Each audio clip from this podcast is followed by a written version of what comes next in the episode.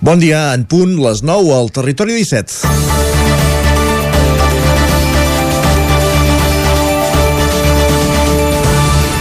Els practicants d'esports en equip sempre han lluat els valors que transmet un vestidor al llarg d'una trajectòria esportiva. I, conclusió, I una conclusió sempre predomina, la importància que cadascú conegui el seu rol i l'executi a la perfecció per arribar a la glòria final. No és una cosa que tinguem tan assumida en disciplines esportives, no es competeix individualment, tot i que en alguns casos també formen part d'un conjunt. No oblidarem mai a Osona la Vuelta de 1991, on un jove amb el seu Mauri va fer més mèrits per guanyar la Vuelta que el seu cap d'equip i es va revelar contra terra, mar i aire per conquerir el, el, aquell títol.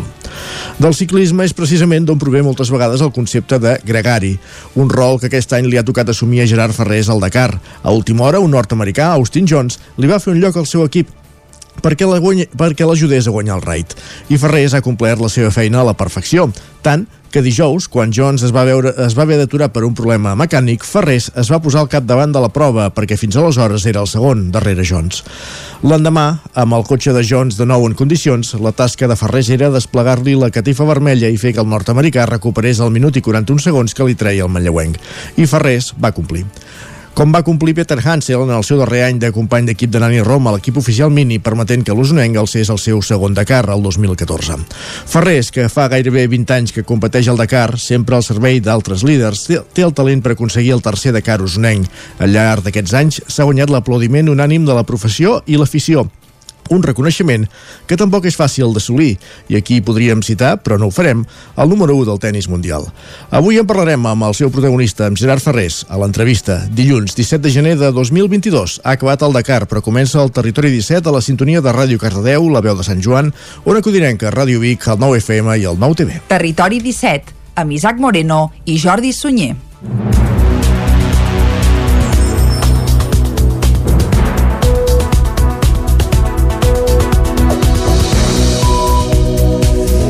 Són les 9 i 2 minuts del matí d'avui dilluns, dia 17 de gener de 2022. Arrenca ara mateix un nou territori 17. Un matí fred, eh? Sí, frescot. Però frescot. molt, molt, molt. Jo... Bé, ja és el que toca. Som a principis sí, sí. de gener, s'acosta la, la setmana dels barbuts... No, i... Només volia afegir que el, els matins quan venim cap aquí el termòmetre del cotxe marca una temperatura i avui, de nhi marcava molt baixa, 6, 6 i mig sota 0. 6, 6 i mig sota 0. Això venint de, de Roda cap a Vic. Està sí, bé. Senyor. Val, a Vila Seca no era tan greu no? la cosa, eh? només era de 5 sota 0. Veus? Gairebé de màniga curta. I a la plana de Vic sí que està gelant, a molts altres indrets del territori 17 també, però és que bé, som al mes de gener i ja toca fer fred. I a més, això sí, al migdia, com que no hi ha gaire boira, s'alça un bon sol i sembla que ja arribi la primavera fins i tot. Això ens ho explicarà en Pep Acosta, avui segurament també aquí a Territori 17, però abans ja us avancem que com sempre de 9 a 10 us acostarem tota l'actualitat de les nostres nostres comarques a partir de les 10. Més informació i després entrevista. Com dèiem, avui amb Gerard Ferrés, segon classificat en bugui 7 by 7 al Dakar, va tornar dissabte de l'experiència a l'Aràbia Saudita i avui el tindrem aquí a l'estudi del Territori 17. Després, a dos quarts d'onze, arribarà el moment de piulades, taula de redacció i de fer el repàs esportiu del cap de setmana. Perquè han passat més coses a banda d'acabar-se el Dakar aquest cap de setmana i ens ho explicaran els nostres companys des de les diferents emissores que cada dia fem possible al Territori 17. A les 11 actualitzarem butlletins informatius i serà el moment dels solidaris. Amb Eloi Puigferrer des de Ràdio Vic i avui coneixent Fent Vida. I com sempre, per acabar, els dilluns, tertúlia esportiva, Serà amb un cap de setmana marcat per aquella Supercopa que crec que han guanyat els blancs, eh? Sí, no, Muntades potser ja estarà deu, content. Prou, prou que deu saber-ho. Molt bé, doncs això ens ho, ens ho explicarà l'Isaac i tothom a la part final d'un programa que ara arrenca fent un repàs de l'actualitat de casa nostra, l'actualitat de les comarques del Ripollès, Osona, el Moianès i el Vallès Oriental. La població d'entre 30 i 39 anys pot demanar des de divendres cita prèvia per la tercera dosi de la vacuna de la Covid-19, una mesura que pretén frenar el ritme de contagis d'aquesta sisena onada del coronavirus que a Osona s'ha traduït amb una pressió hospitalària similar a la de la primera onada de la pandèmia. Segons les dades del Departament de Salut, un de cada quatre usonencs hauria passat ja la Covid des del març del 2020. Els indicadors demostren que el ritme de contagis per la variant Omicron estaria començant a descendir, però també deixen clar que continuem en plena sisena onada. Els pacients ingressats a més continuen augmentant i les consultes a l'atenció primària també. Actualment a Osona hi ha 133 pacients ingressats, un registre que iguala les dades de l'abril del 2020 en plena primera onada. I pel que fa a les unitats de cures intensives hi consten 14 pacients ingressats, dos més que fa una setmana. D'altra banda, els contagis de les festes de Nadal s'han traduït en una llau de peticions de baixes laborals. Entre un 75 i un 80% de les sol·licituds estarien relacionades amb la Covid. La majoria de pacients tenen, però, simptomatologia lleu. Pel que fa a la situació als centres escolars de la comarca, es tornaria a situar al mateix nivell que el d'abans de les festes de Nadal. En aquests moments hi ha una desena de centres d'Osona amb grups sencers confinats. A més, hi ha més de 1.300 alumnes, mestres i personal dels centres aïllats. Els testos d'antígens, una eina bàsica de detecció del virus, ja valen com a màxim 2 euros amb 94 cèntims des d'aquest passat dissabte a les farmàcies, després que el govern espanyol en regulés el preu. De la regulació del preu dels testos i de quina és la situació actual de la pandèmia en va parlar divendres al programa i bona lletra del Nou TV la investigadora del grup de recerca en biologia computacional de la UPC, Clara Prats. Prats, tot i reconèixer que la variant Omicron és menys agressiva, va remarcar que també hi ha ingressats als hospitals infectats amb Omicron i que no s'hi val a relaxar-se. L'escoltem però segueixen ingressant persones, no? un cert percentatge encara que sigui més baix. Aleshores, quan hi ha molta, molta, molta circulació del virus, aquest percentatge baix pot representar un nombre relativament gran d'ingressos, no? i és, és trobar aquest equilibri on deixem circular el virus perquè és més lleu, perquè genera menys hospitalitzacions, però no genera zero hospitalitzacions. Per tant, hem de tenir un ull posat també cap a aquesta altra banda Prats també es va mostrar partidària dels canvis que hi ha hagut a les escoles on només es confina un grup quan hi ha un 20% dels alumnes positius. Això sí, va remarcar que cal seguir l'evolució de la pandèmia dia a dia i si cal adaptar-s'hi, ja sigui aixecant restriccions o imposant-ne de noves. Comencen els treballs per reformar l'espai d'aterratge de l'Hospital de Vic, d'aterratge d'helicòpters. Les obres duraran dos mesos i permetran acollir vols nocturns d'helicòpters. Aquest gener han començat les obres de reforma de l'espai d'aterratge per a helicòpters destinats a l'atenció sanitària que ubica a prop de l'Hospital Universitari de Vic. De fet, en l'última sessió plenària de Vic es va aprovar per unanimitat la bonificació del 95% de l'impost de construccions, instal·lacions i obres vinculat a aquesta actuació. Tal com va recordar el primer dinant d'alcalde, Josep Arimany, al febrer de 2020 el consistori va aprovar una moció presentada per Esquerra on es demanava adequar l'helisuperfície. Un cop es va fer arribar al Consorci Hospitalari de Vic i al Departament de Salut responsable de l'equipament, Arimany va explicar que els van respondre que la reforma ja estava prevista en el seu pla director. Els treballs de millora, amb un pressupost de 177.000 euros, permetran adequar l'espai a l'actual normativa vigent de seguretat. S'ampliarà la zona d'aterratge i enlairament i s'incorporarà la tecnologia necessària per acollir vols nocturns. La durada prevista de les obres és de dos mesos. Mentre aquest punt està fora de servei, l'helisuperfície s'ha traslladat provisionalment en una ubicació propera al polígon industrial del Bruguer. L'Ajuntament de Ripoll i Adif signen un conveni per suprimir dos passos nivell, que suposarà una inversió global de gairebé 800.000 euros.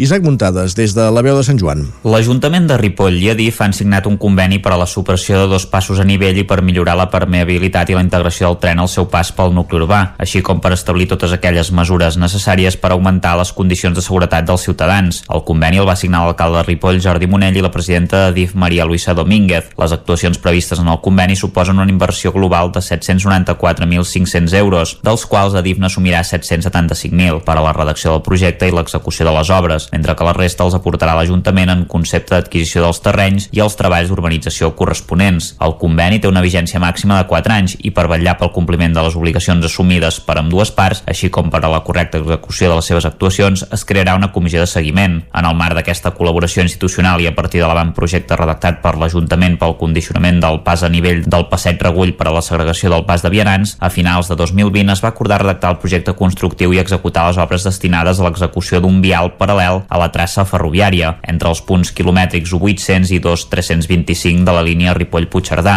derivant el trànsit de pianants del pas a nivell situat en el punt i permetent així la clausura dels passos a nivells públics situats en els punts 2325 i 2770 de la mateixa línia. L'esmentat avantprojecte també inclou eliminar els passos de vianants que formen part de la protecció situada en el punt 0727, de manera que passi a ser d'ús específic de vehicles, conforme a establert en el conveni de col·laboració, Adif es compromet a redactar el projecte per a la construcció del vial paral·lel al traçat ferroviari per clausurar els esmentats passos a nivell. A més, Adif també condicionarà el pas subterrani existent a la sortida del túnel del nucli urbà, prenent com a base l'avantprojecte redactat per l'Ajuntament. Adif també s'encarregarà després de la finalització de les obres que possibiliten la clausura d'ambdós i dels passos de vianants adossats al pas a nivell situat al punt 0727 del desmantellament de les instal·lacions i del tancament de la via amb la finalitat d'impedir l'accés a la infraestructura ferroviària. Per la seva banda, l'Ajuntament de Ripoll, entre les seves obligacions, assumirà l'obra urbanística necessària per afavorir l'ús del pas inferior condicionat i la seva titularitat, així com el manteniment i conservació. Dos barris de Cardedeu participen en un projecte pilot innovador basat en millorar el coneixement dels residus que generen per superar bé en origen. Núria Lázaro, de Ràdio Televisió Cardedeu. Les persones residents al barri de l'Estalvi de Poble Sec de Cardedeu tenen l'oportunitat de participar al projecte europeu LIFE per a la millora de la recollida de residus. Amb el lema Coneix el que llences, les persones voluntàries que hi participen reben informació per a millorar la recollida dels residus. Es tracta d'un concepte innovador i pioner, basat en la millora del coneixement individual sobre els propis residus que generem, a partir de petits reptes, informacions o qüestions que es plantegen a la ciutadania. El projecte es posa en marxa el divendres 21 de gener i aquesta setmana es començaran a repartir díptics informatius a les llars dels dos barris, on s'explica com donar-se d'alta i com participar-hi via mòbil, a través de WhatsApp, SMS o Telegram. Les persones participants rebran missatges informatius sobre la recollida selectiva i petites preguntes i enquestes per resoldre. Com més s'interaccioni, s'obtindran més punts per aconseguir paquets regal valorats en 100 euros, amb productes de residu zero i entrades per actes i espectacles culturals locals. Conèixer bé els residus que generem per ser-ne conscients i per separar bé en origen és un dels objectius d'aquest projecte i assenta les bases per a la propera implantació del servei de recollida porta a porta. Sant Feliu de Codines celebra avui la festa de Sant Antoni Abat. Tot i que s'han hagut de suspendre alguns actes, s'han mantingut els tres toms. Jordi Givert, des d'Ona Codinenca. La sisena onada ha fet repensar la festa de Sant Antoni, tot i així, a diferència que l'any passat, es podrà celebrar avui a partir de dos quarts de dotze. Es donarà el tret de sortida a la festa amb la concentració a Cal Ullà des de on es sortirà cap a la plaça Josep Humbert a fer la benedicció. Des de l'organització volen potenciar aquesta part de la festa que normalment és on la gent no participa tant. Cisco Garriga, membre de l'organització, ho explicava al programa Tal com Raja, d'Ona Codinenca. Aviam, el que ens agradaria que hi participés més gent, que no en ve gaire, és quan anem des de l'Ajuntament a l'Iglésia a l'Iglésia, que fem una mica de passacalle, no? Per anar a l'Iglésia ofici, clar. Són molt pocs. Ens agradaria que vingués més gent. Jo ja sé que hi ha molta gent que vol anar a missa, hi ha gent que no vol anar a missa, jo això ho respecto, però per almenys acompanyant-nos fins allà. Que això pues, començarà a les 10 del matí. El que s'ha suspès és una de les parts més esperades de la festa per evitar la concentració de gent, la torrada.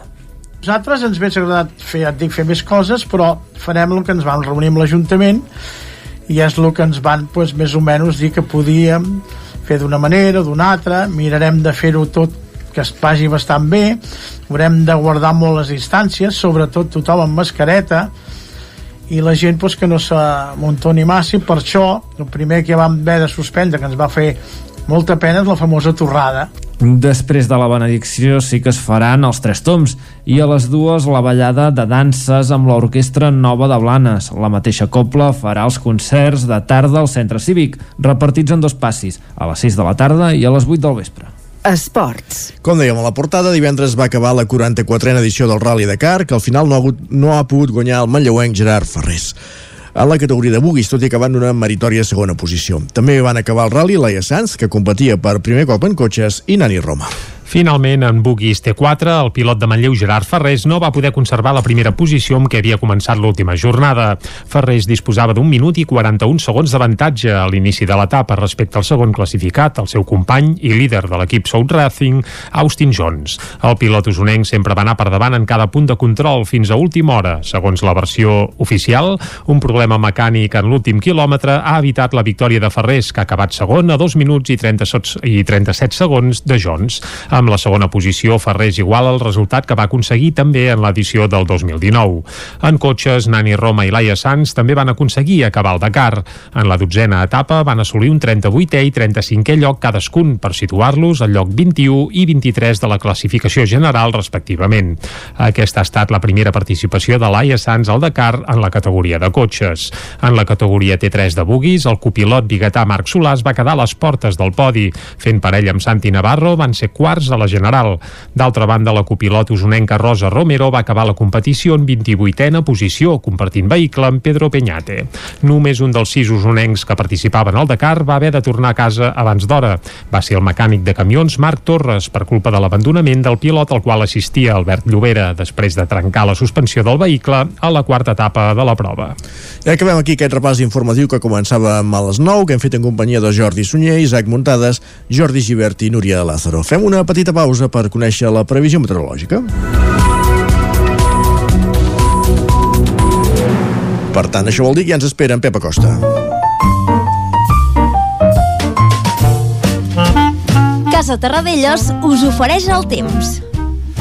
I en Pep Acosta cada dia ens acosta la previsió meteorològica. A primera hora ens deia Isaac que fa fred al matí, molt. molt fred, gelades, però jo ja augurava que al migdia surt un bon solet i que gairebé sembla la primavera. I ara però... aquesta mostra hora de dubtes. Exacte, deixem que en Pep Acosta ens hi posi els llum. punts a sobre les is o llum a la foscor que faci falta. Pep, bon dia. Hola, molt bon dia. I molt bona hora. I Benvinguts a l'inici d'una nova setmana. Gràcies, gràcies. Benvinguts a la informació meteorològica Uh -huh.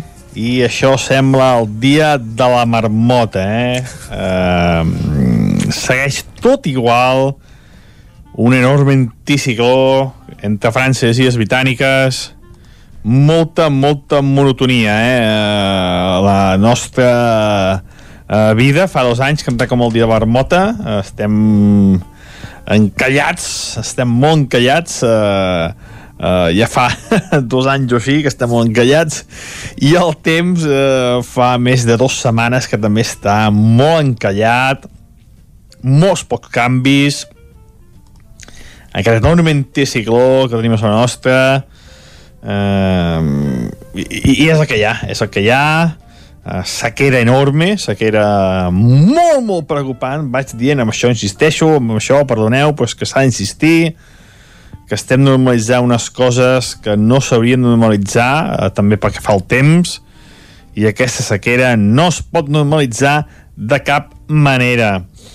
Uh, aquest cap de setmana uh, hem tingut fred a les nits uh, no sé si heu vist uh, els espais del temps però hi ha unes imatges precioses, unes gelades enormes a moltes, moltes poblacions, les fonts, els rius, eh, fins i tot arran de platja, la platja eh, glaçada, eh, no, no l'aigua, eh, vull dir, les herbes o la, la sorra de la platja glaçada, l'aigua, lògicament, de la platja no, però, però unes bones glaçades, i les nostres comarques mínimes de 6, 7, 8 sota 0, temperatures força, força baixes de nit, i de dia suavitat, molt de sol, màximes entre els 10 i els 15 graus, el sol s'hi està força bé, molt contrast entre dia i la nit, més de 20 graus de temperatura eh, entre el dia i la nit de, de diferència, i també molta diferència en molts pocs quilòmetres.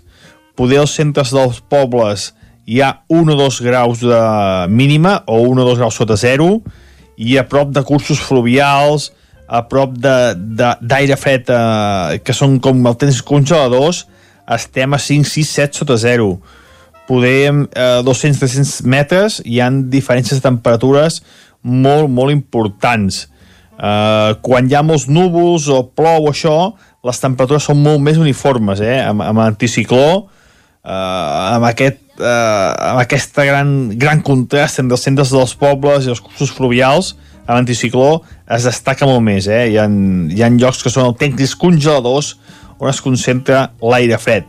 I a més també hi ha inversió tèrmica.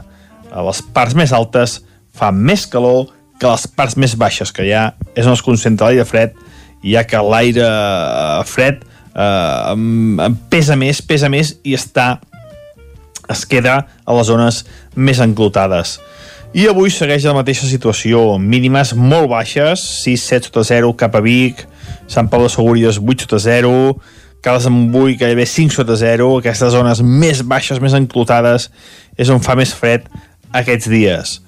Molt de sol durant tot el dia, màximes entre els 10 i els 15 graus, algunes boires i cap, cap novetat, eh, tot molt encalmat, molta, molta tranquil·litat. Sembla que serà la tònica de tota, tota la setmana. Uh -huh. I potser més i tot. Veurem com va tot, veurem què acaba passant. Adéu, bon dia. Estarem expectants. Bon dia, Pep. Fins després, gràcies. Exacte, bon dia. Anem ara cap al quiosc. som Casa Tarradellas us ha ofert aquest espai. Doncs moment de saber què diuen ara mateix, què diuen les portades dels diaris d'avui. I comencem com cada dilluns pels nous nous. Correcte, som dilluns, per tant hi ha edició del 9-9 als quioscos i comencem pel 9-9 d'Osona i el Ripollès que titula Vic i Manlleu han perdut població durant la pandèmia però els pobles petits n'han guanyat. La Covid ha provocat un canvi de tendència, famílies que busquen un canvi de vida i la tranquil·litat d'un poble. Això s'apunta al titular principal del 9-9 d'Osona i el Ripollès. La fotografia per uns tonis uh, de Taradell que, que, que es van poder disputar, això sí, amb mascaretes i algunes restriccions, però sí que hi va haver tonis, uh, afortunadament, també d'altres indrets que repassarem durant el territori 17 d'avui. Ferrer cedeix el Dakar al líder del seu equip, n'hem parlat i en parlarem encara també a l'entrevista, i els animals de companyia a l'alça. Resulta que el nombre de gossos censats a Vic ha crescut més del 50% els últims 5 anys.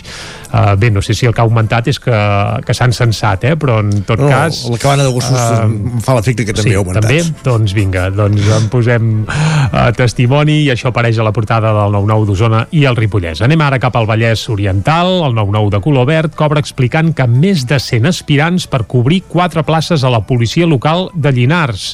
Recordem que és aquella policia local tenen tres la hi va haver un força mullader, diguem-ne. La convocatòria s'ha fet arran precisament de la detenció de quatre membres del cos. Podran triar, doncs, entre un centenar d'aspirants. Més coses. Marta Vilaret serà la cap de llista d'Esquerra Republicana a Mollet a les properes eleccions municipals. Falten encara gairebé 17 mesos i ja es va fent bullir l'olla. Això suposo que serà una tònica habitual els propers mesos, anar coneixent caps de llista de cara a les municipals que han d'arribar al 2023, recordem-ho. Any i mig. Més coses, exacte. El nombre de cotxes elèctrics creix a un ritme lent, això s'apunta també a la portada del 9-9 del Vallès Oriental, i el, una AMPA lligada a entitats unionistes demana el 25% de castellà a tota l'escola de Sant Fost de Camp Centelles.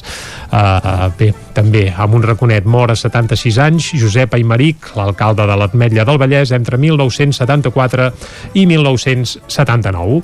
Anem ara, Isaac, cap a les portades d'àmbit nacional Comencem, i va, comencem pel punt avui, pel punt avui. Va, l'extrema dreta alça el braç. Això és el titular principal del punt avui. Auge de la ultradreta perdó, l'auge de la ultradreta és una amenaça global que també afecta els països catalans, apuntem des del punt avui. A més, els cribratges escolars tensen les farmàcies. Recordem que ara, quan hi ha un positiu, bé, bé o més d'un a les aules, doncs eh, no apareix gent de sanitat a fer PCRs a les escoles, sinó que envien els infants a una farmàcia a fer-se testos d'antígens. Uh, embolica que fa fort, perquè a les escoles aquests dies la veritat és que de feina en tenen i molta i no precisament uh, per ensenyar lliçons. Va, anem cap a l'ara, que obren amb una exclusiva uh, que diu el Parlament paga 1,7 milions d'euros l'any a funcionaris que ja no treballen. Això ho ha descobert l'ara després de fer un rigorós treball d'investigació És un escàndol aquest cas, eh? que és, és espectacular, sí, sí, perquè diuen que la llicència per edat permet plegar als 60 anys i cobrar gairebé el 100% del sou fins a accedir a la jubilació i aquesta mesura exclusiva de la cambra catalana es veu que be- beneficiaria un total de 21 treballadors I i resulta cosa- que estaria vigent des del 2008 Correcte, l'època de, de l'Ernest Benà com a president Mhm. i l'altra cosa que sobta és el sou del personal més bàsic, diguéssim, a la cambra, que és l'uixier o el telefonista que cobra 4.000 euros al mes. Uh, bé, aquest sou no el veiem ni, ni, bé, ni, ni l'ensumem. És ben bé que com ens hem de veure. Aviam si s'hi si, si posa mai, si esclata alguna mica si de crisi si, arran si, aquest és el més baix, si aquest és el més baix, imagina't el més alt, eh? Ja sí, no, no, ja no, no hi entrem. Va, va, resseguim encara més aspectes que hi ha a la portada de l'Ara. Djokovic expulsat d'Austràlia i se'l veu allò, doncs bé, fent les maletes i a Catalunya hi ha entre 800 i 900 macrogranges. Això també apareix a la portada del diari Ara. Suposo que el ministre Garzón ja n'estarà al cas. La Vanguardia, Madrid concentra el gruix de la migració interior a Espanya. La capital espanyola, convertida des de la crisi del 2008 en el principal pol d'atracció, va captar el 2020 més de 70.000 residents nous. Això s'apunta a la portada de La Vanguardia i també la fotografia és la mateixa que la de l'Ara, amb un futur incert per Djokovic i se'l veu abandonant Austràlia. Això amb la mateixa fotografia que havíem vist abans al diari Ara. Casado reafirma en el no a la reforma laboral amb l'aval de Rajoy. També a la portada, on també s'hi veu el Real Madrid que doblega de l'Atlètic 0 a 2 i s'endú la Supercopa. D'això en parlarem a la part final del programa, la tertúlia esportiva. Anem al periòdico. La classe mitjana es debilita per la falta de relleu dels millennials. Aquest és el titular principal pel periòdico. El campió deportat, i es veu a Djokovic, també marxant d'Austràlia. Amb mascareta, eh? sí, això sí, amb mascareta. Bé, almenys a l'hora de marxar deu haver volgut, eh, entre cometes, quedar bé visualment parlant. Europa accelera la recerca de la pastilla universal contra la Covid, també apareix als titulars del periòdico. I anem ara ràpidament a fer un cop d'ull a les portades que s'editen des de Madrid. Comencem pel país. La mesura clau per limitar el lloguer estarà en mans de les autonomies. Aquest és el titular principal del país. La fotografia també és per Djokovic, que abandona Austràlia i diu en Austràlia eh, treu fora de la pista a Novak Djokovic. Aquest joc de paraules té, bueno, no sé si la seva sí. gràcia, però ja ja l'han fet. El Real Madrid es corona... De la pista a la pista de l'aeroport, no, sí, no l'ha fet bé. ningú aquest encara? ja l'has fet tu. Vinga, va, el Real Madrid es corona a Riad amb la Supercopa d'Espanya. Això també apareix a la portada del país. Més portades eh, ibèriques, la del Mundo, Morena, Moreno, perdó, ratlla la majoria absoluta, però necessita l'abstenció de Vox. Això és, uh, això és l'intenció no? de vot a ah. Andalusia, eh? però el Mundo ja, ja ho deixen anar. La pitjor derrota de Djokovic, també a la portada. A l'ABC el govern aprovi, aprofita una llei franquista per no donar informes.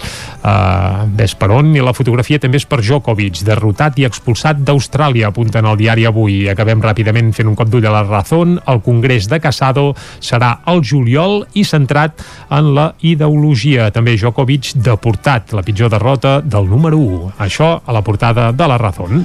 Arribats a aquest punt, fem una pausa, però tornem d'aquí 3 minutets.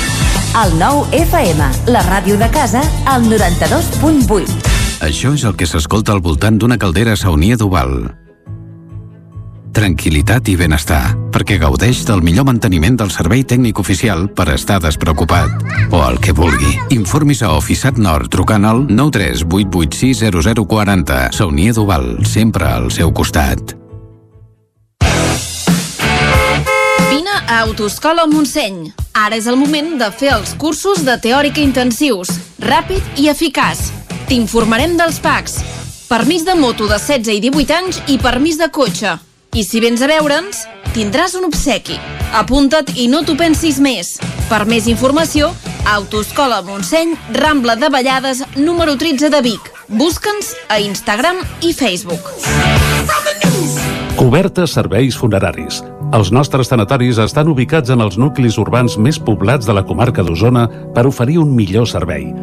Tanatori de Vic, Tanatori de Manlleu, Tanatori de Centelles i Tanatori de Roda de Ter. Sabem que són moments difícils i per això el nostre compromís és atendre-us en tot moment amb un tracte humà, sensible i respectuós. Cobertes serveis funeraris. Telèfon 24 hores 93 883 23 46. Mmm, quan fa que no menges pluma ibèrica de Salamanca i xuletilles de lechal a la brasa amb una bona amanida? Oh, i un xuletón de vedella gallega?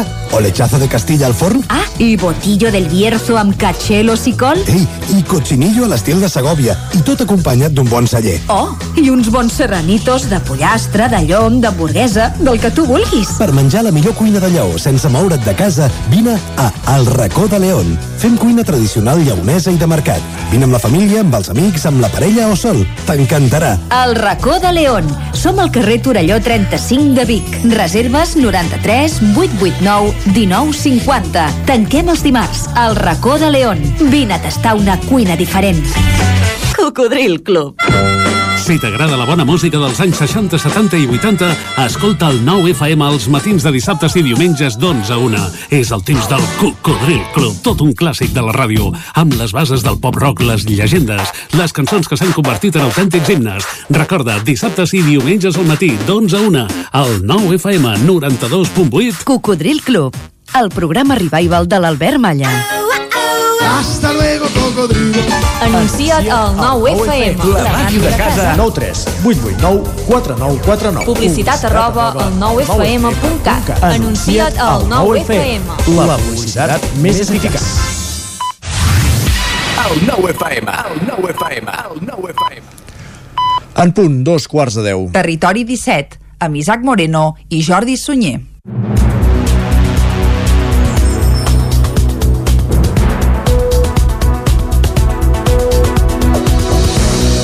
Doncs dos quarts de deu en punt d'avui dilluns, 17 de gener de 2020 i seguim en directe a Territori 17 i de seguida el que tocarà és acostar-vos de nou tota l'actualitat de casa nostra, de les comarques del Ripollès, Osona, el Moianès i el Vallès Oriental, però ja us avancem tot el menú que tindrem fins al punt de les 12 del migdia. Abans de les 10 hi posarem una mica de música, avui per celebrar o commemorar els 25 anys d'un dels discos més importants o més venuts, si més no, de la història del pop rock nostrat. Descobrirem de seguida quin és. Isaac, donem alguna pista o no? Bon dia. Bon dia, va. doncs fins aquí la pista. Però bé, més que una pista, això ja eh, ho donem a entendre tot, eh? Però vaja, hi ha un disc molt emblemàtic de la música nacional que està d'aniversari, Noces d'Argent. Uh, abans de les 10 descobrirem bé, ja sabem quin és, però tant és.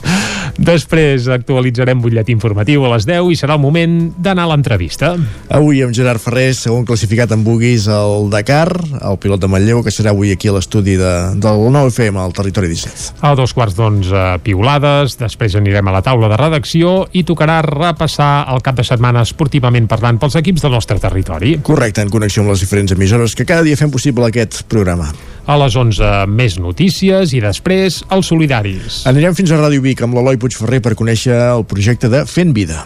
I per acabar, a dos quarts de dotze, a la R3, a la Trenc d'Alba, com cada dia, i avui, com que és dilluns, farem tertúlia esportiva. També amb l'Isaac Muntades, Lluís de Planell i Guillem Freixa, valorant aquesta Supercopa d'Espanya que s'ha fet a l'Aràbia Saudita, també els resultats dels partits de Copa del Rei que s'han disputat aquest cap de setmana amb no massa sort per l'Espanyol, per exemple. I pel Girona, tampoc. Ni pel Girona, uh -huh. i acabarem de fer la patà I amb l'actualitat sí. futbolística. Que sempre dona, sempre hi ha suc aquí per, per sucar-hi, diguem-ne.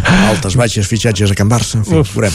Va, i ara el que toca és acostar-vos de nou l'actualitat de casa nostra, l'actualitat de les comarques del Vallès Oriental, el Moianès, Osona i el Ripollès. La població d'entre 30 i 39 anys pot demanar des de divendres cita prèvia per la tercera dosi de la vacuna de la Covid-19, una mesura que pretén frenar el ritme de contagis d'aquesta sisena onada del coronavirus, que Osona s'ha traduït amb una pressió hospitalària similar a la de la primera onada de la pandèmia. Segons les dades del Departament de Salut, un de cada quatre usonencs hauria passat ja la Covid des del març del 2020. Els indicadors demostren que el ritme de contagis per la variant Omicron estaria començant a descendir, però també deixen clar que continuem en plena sisena onada. Els pacients ingressats, a més, continuen augmentant i les consultes a l'atenció primària també. Actualment a Osona hi ha 133 pacients ingressats, un registre que iguala les dades de l'abril del 2020 en plena primera onada. I pel que fa a les unitats de cures intensives hi consten 14 pacients ingressats, dos més que fa una setmana. D'altra banda, els contagis de les festes de Nadal s'han traduït en una llau de peticions de baixes laborals. Entre un 75 i un 80% de les sol·licituds estarien relacionades amb la Covid. La majoria de pacients tenen, però, simptomatologia lleu. Pel que fa a la situació als centres escolars de la comarca, es tornaria a situar al mateix nivell que el d'abans de les festes de Nadal. En aquests moments hi ha una desena de centres d'Osona amb grups sencers confinats. A més, hi ha més de 1.300 alumnes, mestres i personal dels centres aïllats. Els testos d'antígens, una eina bàsica de detecció del virus, ja valen com a màxim 2 euros amb 94 cèntims des d'aquest passat dissabte a les farmàcies, després que el govern espanyol en regulés el preu. De la regulació del del preu dels testos i de quina és la situació actual de la pandèmia en va parlar divendres al programa I Bona Lletra del Nou TV la investigadora del grup de recerca en biologia computacional de la UPC, Clara Prats.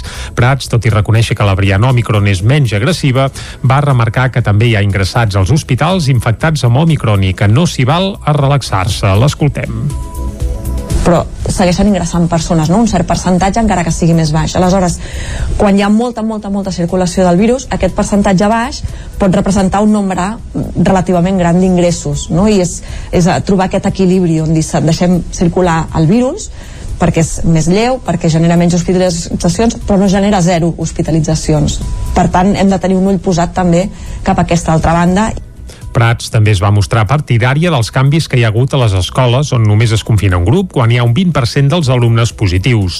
Això sí, va remarcar que cal seguir l'evolució de la pandèmia dia a dia i si cal adaptar-s'hi, ja sigui aixecant restriccions o imposant-ne de noves. Comencen els treballs per reformar l'espai d'aterratge de l'Hospital de Vic, d'aterratge d'helicòpters. Les obres duraran dos mesos i permetran acollir vols nocturns d'helicòpters.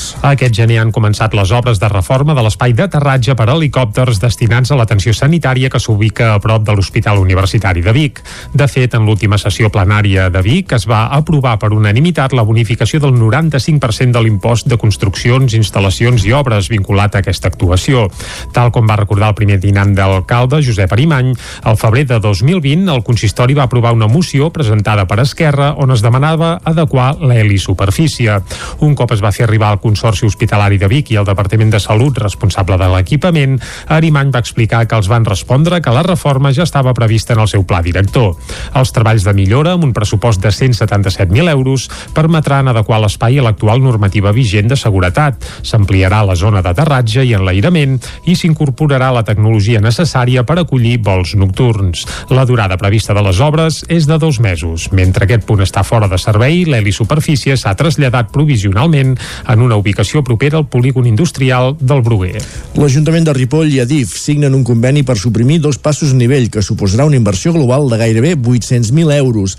Isaac Muntades, des de la veu de Sant Joan. L'Ajuntament de Ripoll i Adif han signat un conveni per a la supressió de dos passos a nivell i per millorar la permeabilitat i la integració del tren al seu pas pel nucli urbà, així com per establir totes aquelles mesures necessàries per augmentar les condicions de seguretat dels ciutadans. El conveni el va signar l'alcalde de Ripoll, Jordi Monell, i la presidenta d'Adif, Maria Luisa Domínguez. Les actuacions previstes en el conveni suposen una inversió global de 794.500 euros, dels quals Adif n'assumirà 775.000 per a la redacció del projecte i l'execució de les obres, mentre que la resta els aportarà l'Ajuntament en concepte d'adquisició dels terrenys i els treballs d'urbanització corresponents. El conveni té una vigència màxima de 4 anys i per vetllar pel compliment de les obligacions assumides per amb dues parts, així com per a la correcta execució de les seves actuacions, es crearà una comissió de seguiment. En el marc d'aquesta col·laboració institucional i a partir de l'avantprojecte redactat per l'Ajuntament pel condicionament del pas a nivell del passeig Regull per a la segregació del pas de vianants, a finals de 2020 es va acordar redactar el projecte constructiu i executar les obres destinades a l'execució d'un vial paral·lel a la traça ferroviària entre els punts quilomètrics 800 i 2325 de la línia Ripoll-Puigcerdà, derivant el trànsit de pianants del pas a nivell situat en el punt i permetent així la clausura dels passos a nivells públics situats en els punts 2325 i 2770 de la mateixa línia. L'esmentat avantprojecte també inclou eliminar els passos de vianants que formen part de la protecció situada en el punt 0727 de manera que passi a ser d'ús específic de vehicles, conforme a l'establert establert en el conveni de col·laboració, Adif es compromet a redactar el projecte per a la construcció del vial paral·lel al traçat ferroviari per clausurar els esmentats passos a nivell. A més, Adif també condicionarà el pas subterrani existent a la sortida del túnel del nucli urbà, prenent com a base l'avantprojecte redactat per l'Ajuntament. Adif també s'encarregarà després de la finalització de les obres que possibiliten la clausura d'ambdós i dels passos de vianants adossats al pas a nivell situat al punt 0727, del desmantellament de les instal·lacions i del tancament de la via amb la finalitat d'impedir l'accés a la infraestructura ferroviària. Per la seva banda, l'Ajuntament de Ripoll, entre les seves obligacions, assumirà l'obra urbanística necessària per afavorir l'ús del pas inferior condicionat i la seva titularitat, així com el manteniment i conservació.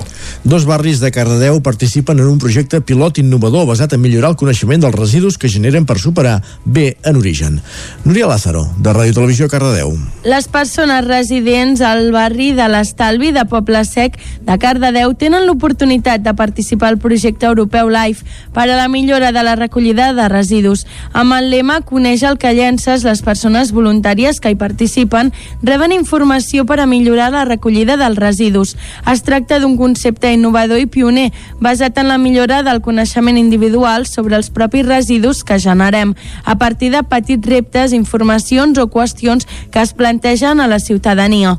El projecte es posa en marxa el divendres 21 de gener i aquesta setmana es començaran a repartir díptics informatius a les llars dels dos barris, on s'explica com donar-se d'alta i com participar-hi via mòbil, a través de WhatsApp, SMS o Telegram.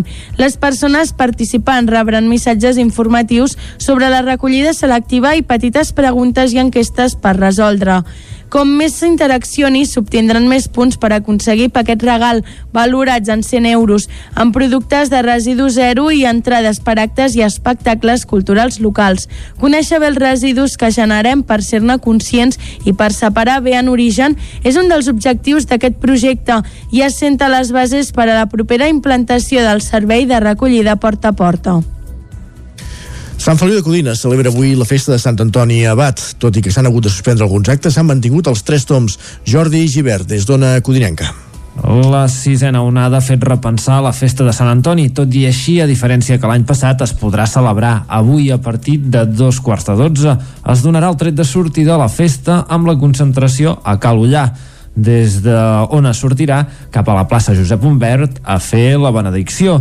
Des de l'organització volen potenciar aquesta part de la festa que normalment és on la gent no participa tant. Cisco Garriga, membre de l'organització, ho explicava al programa Tal com Raja, d'Ona Codinenca.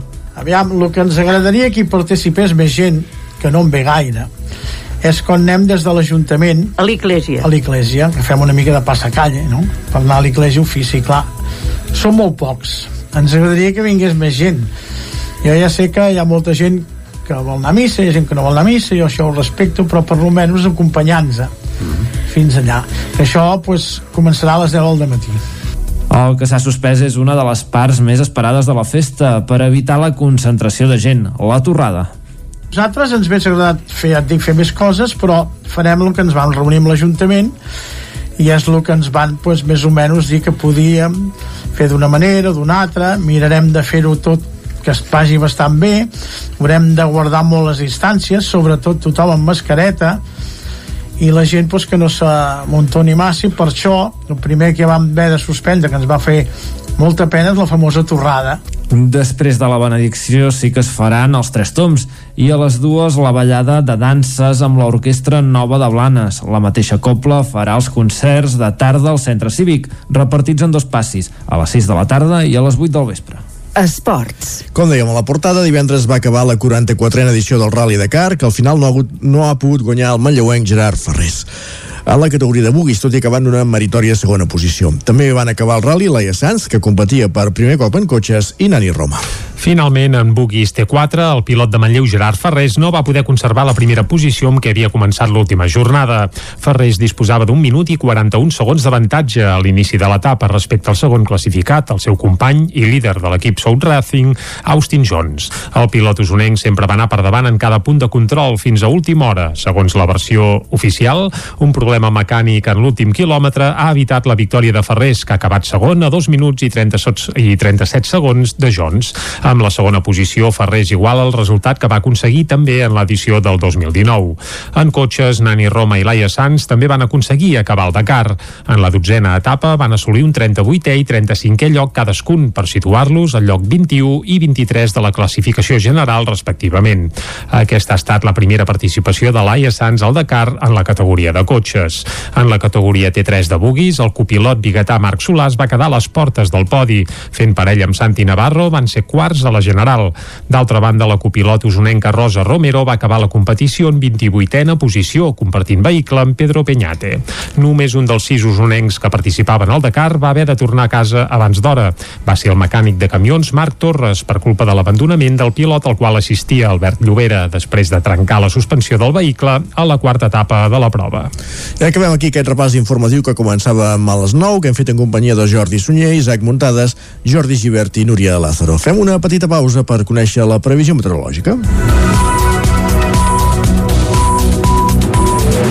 Per tant, això vol dir que ja ens espera en Pep Acosta.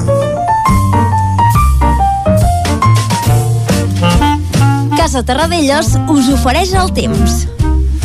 I en Pep Acosta cada dia ens acosta la previsió meteorològica. A primera hora ens deia Isaac que fa fred al matí, molt. molt fred, gelades, però jo ja augurava que al migdia surt un bon solet i que gairebé sembla la primavera. I ara però... aquesta mostra de dubtes. Exacte, deixem que en Pep Acosta ens hi posi els llum. punts a sobre les is o llum a la foscor que faci falta. Pep, bon dia. Hola, molt bon dia. I molt bona hora. Benvinguts a l'inici d'una nova setmana. Gràcies, Eh, gràcies. Benvinguts a la informació meteorològica. Uh -huh. I això sembla el dia de la marmota, eh? eh segueix tot igual un enorme anticicló entre França i les Illes Britàniques molta, molta monotonia eh? Eh, la nostra eh, vida. Fa dos anys que em com el dia de la marmota. Estem encallats estem molt encallats. Eh, Uh, ja fa dos anys o així que estem encallats. I el temps uh, fa més de dues setmanes que també està molt encallat. Molts pocs canvis. Aquest enorme anticicló que tenim a la nostra. Uh, i, i és el que hi ha és el que hi ha sequera enorme, sequera molt, molt preocupant. Vaig dient amb això, insisteixo, amb això, perdoneu però que s'ha d'insistir que estem normalitzant unes coses que no s'haurien de normalitzar eh, també perquè fa el temps i aquesta sequera no es pot normalitzar de cap manera.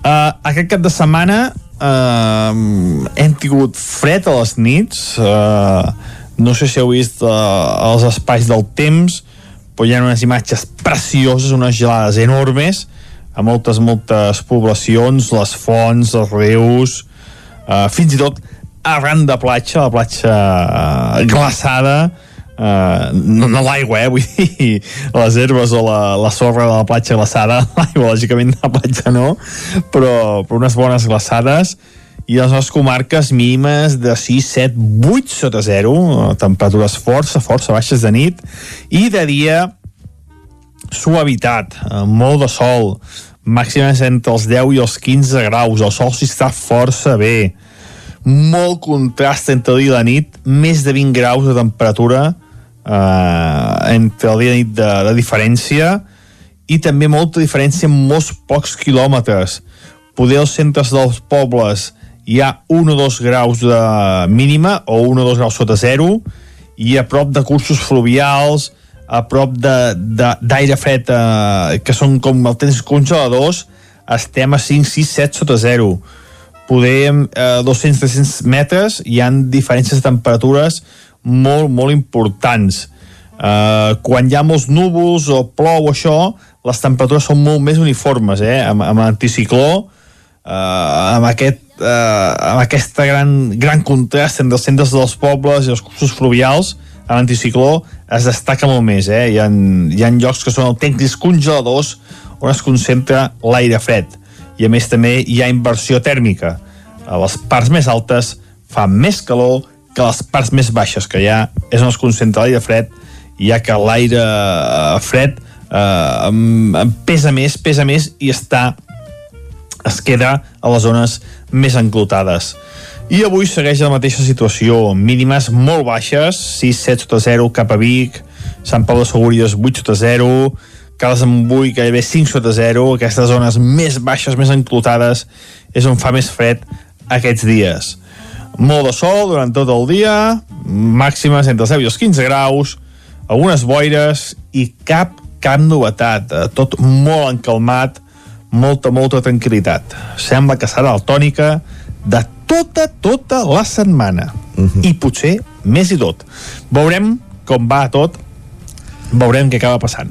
Adéu, bon dia. Estarem expectants. Bon dia, Pep. Fins després, gràcies. Exacte, bon dia. Anem ara cap al quiosc. Casa Tarradellas us ha ofert aquest espai. Doncs moment de saber què diuen ara mateix, què diuen les portades dels diaris d'avui. I comencem com cada dilluns pels nous nous. Correcte, som dilluns, per tant hi ha edició del 9-9 als quioscos i comencem pel 9-9 d'Osona i el Ripollès que titula Vic i Manlleu han perdut població durant la pandèmia, però els pobles petits n'han guanyat. La Covid ha provocat un canvi de tendència, famílies que busquen un canvi de vida i la tranquil·litat d'un poble. Això s'apunta al titular principal del 9-9 d'Osona i el Ripollès. La fotografia per uns tonis uh, de Taradell que, que, que es van poder disputar, això sí, amb mascaretes i algunes restriccions, però sí que hi va haver tonis, uh, afortunadament, també d'altres indrets que repassarem durant el territori 17 d'avui. Ferrer cedeix el Dakar al líder del seu equip, n'hem parlat i en parlarem encara també a l'entrevista, i els animals de companyia a l'alça. Resulta que el nombre de gossos censats a Vic ha crescut més del 50 40% els últims 5 anys. Uh, bé, no sé si el que ha augmentat és que, que s'han censat, eh? però en tot no, cas... La cabana de gossos uh, em fa l'efecte que també sí, ha augmentat. També? Doncs vinga, doncs en posem uh, testimoni i això apareix a la portada del 9-9 d'Osona i el Ripollès. Anem ara cap al Vallès Oriental, el 9-9 de color verd cobra explicant que més de 100 aspirants per cobrir quatre places a la policia local de Llinars. Recordem que és aquella policia local on, on tres la hi va haver un força mullader, diguem-ne. La convocatòria s'ha fet arran precisament de la detenció de quatre membres del cos. Podran triar, doncs, entre un centenar d'aspirants. Més coses. Marta Vilaret serà la cap de llista d'Esquerra Republicana a Mollet a les properes eleccions municipals. Falten encara gairebé 17 mesos i ja es va fent bullir l'olla. Això suposo que serà una tònica habitual els propers mesos, anar coneixent caps de llista de cara a les municipals que han d'arribar al 2023, recordem-ho. Més coses, exacte. El nombre de cotxes elèctrics creix a un ritme lent, això s'apunta també a la portada del 9-9 del Vallès Oriental, i el, una AMPA lligada a entitats unionistes demana el 25% de castellà a tota l'escola de Sant Fost de Camp Centelles. Uh, bé, també amb un raconet mor a 76 anys, Josep Aymeric, l'alcalde de l'Atmetlla del Vallès, entre 1974 i 1979. Anem ara, Isaac, cap a les portades d'àmbit nacional Comencem, i comencem va, pel punt avui, pel punt avui. Va, l'extrema dreta alça el braç. Això és el titular principal del punt avui. Auge de la ultradreta perdó, l'auge de la ultradreta és una amenaça global que també afecta els països catalans, apunten des del punt avui. A més, els cribratges escolars tensen les farmàcies. Recordem que ara, quan hi ha un positiu, bé, bé o més d'un a les aules, doncs eh, no apareix gent de sanitat a fer PCRs a les escoles, sinó que envien els infants a una farmàcia a fer-se testos d'antígens. Uh, embolica que fa fort, perquè a les escoles aquests dies la veritat és que de feina en tenen i molta i no precisament uh, per ensenyar lliçons. Va, anem cap a l'ara, que obren amb una exclusiva uh, que diu el Parlament paga 1,7 milions d'euros l'any a funcionaris que ja no treballen. Això ho ha descobert l'ara després de fer un rigorós treball d'investigació. És un escàndol aquest cas, eh? Que és, és espectacular, sí, sí, perquè diuen que la llicència per edat permet plegar als 60 anys i cobrar gairebé el 100% del sou fins a accedir a la jubilació i aquesta mesura exclusiva de la cambra catalana es veu que beneficiaria un total de 21 treballadors i, I resulta cosa... que estaria vigent des del 2008. Correcte, l'època de, de l'Ernest Benà com a president, uh -huh. i l'altra cosa que sobta és el sou del personal més bàsic, diguéssim, a la cambra, que és l'uixier o el telefonista, que cobra 4.000 euros al mes. Uh, bé, aquest sou no el veiem ni, ni, ni, ni l'ensumem. És ben bé que, com ens hem de veure. Aviam si s'hi si, si posa mai, si esclata alguna mica si de crisi arran si, si, aquest és el més baix, si aquest és el més baix, imagina't el més alt, eh? Ja sí, no, no, ja no, no hi entrem. Va, uh, resseguim encara més aspectes que hi ha a la portada de l'ara. Djokovic expulsat d'Austràlia i se'l veu allò, doncs bé, fent les maletes i a Catalunya hi ha entre 800 i 900 macrogranges. Això també apareix a la portada del diari Ara. Suposo que el ministre Garzón ja n'estarà al cas.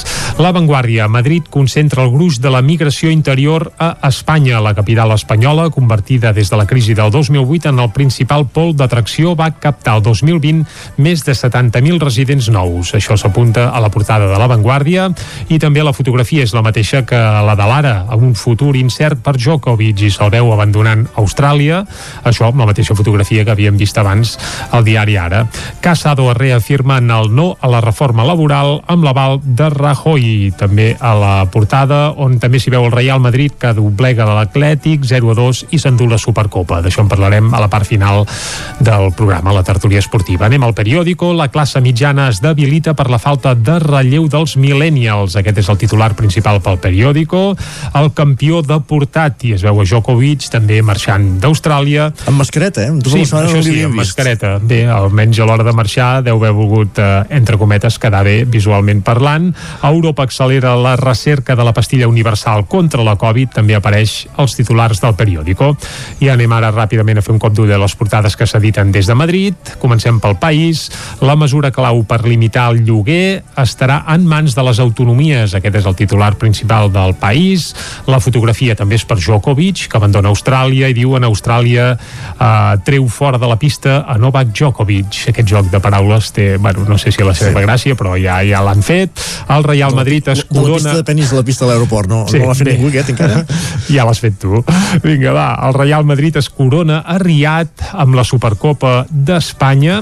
Això també apareix a la portada del país. Més portades eh, ibèriques, la del Mundo, Morena, Moreno, perdó, ratlla la majoria absoluta, però necessita l'abstenció de Vox. Això és, uh, això és l'intenció no? de vot a Andalusia, eh? però el Mundo ja, ja ho deixen anar. La pitjor derrota de Djokovic, també a la portada. A l'ABC el govern aprovi, aprofita una llei franquista per no donar informes.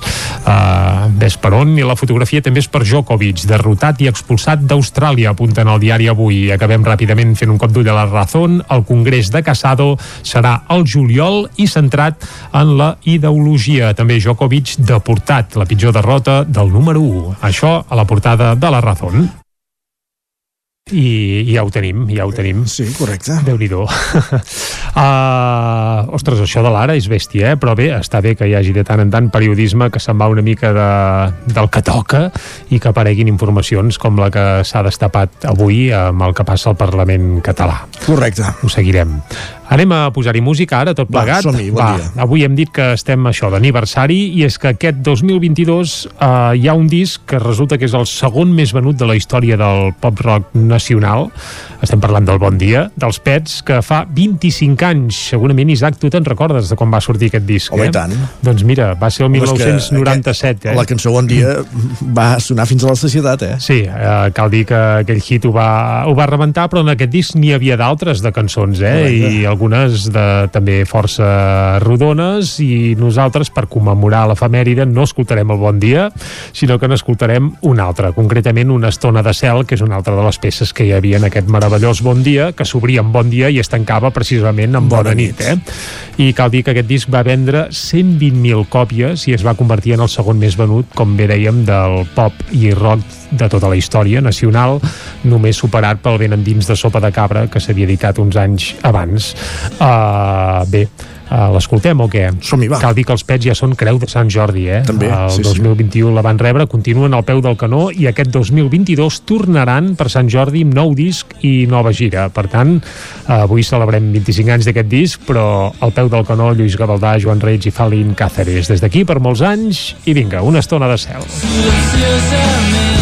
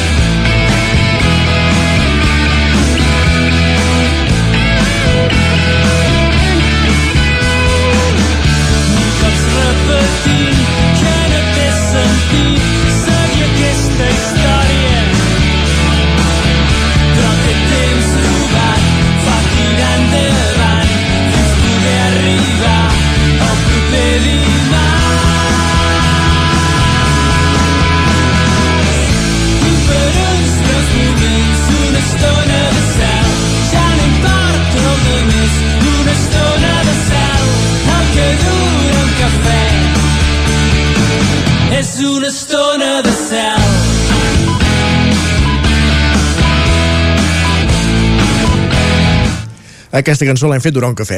Passa, ara mateix són les 10 al Territori 17. Territori 17, amb Isaac Moreno i Jordi Sunyer.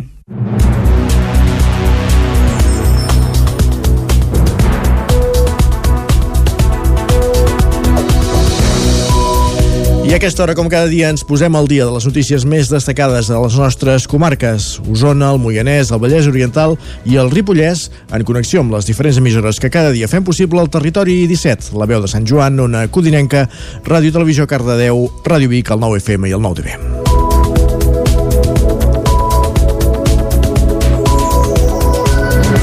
El sector porcí va tancar el 2021 amb un benefici mitjà de 2 cèntims per cada quilo de porc. Des del Sindicat Unió de Pagesos valoren positivament la dada, però alerten que només reflecteix la bonança que el sector va viure el primer mig any, quan el preu del porc pujava cada setmana a les llotges.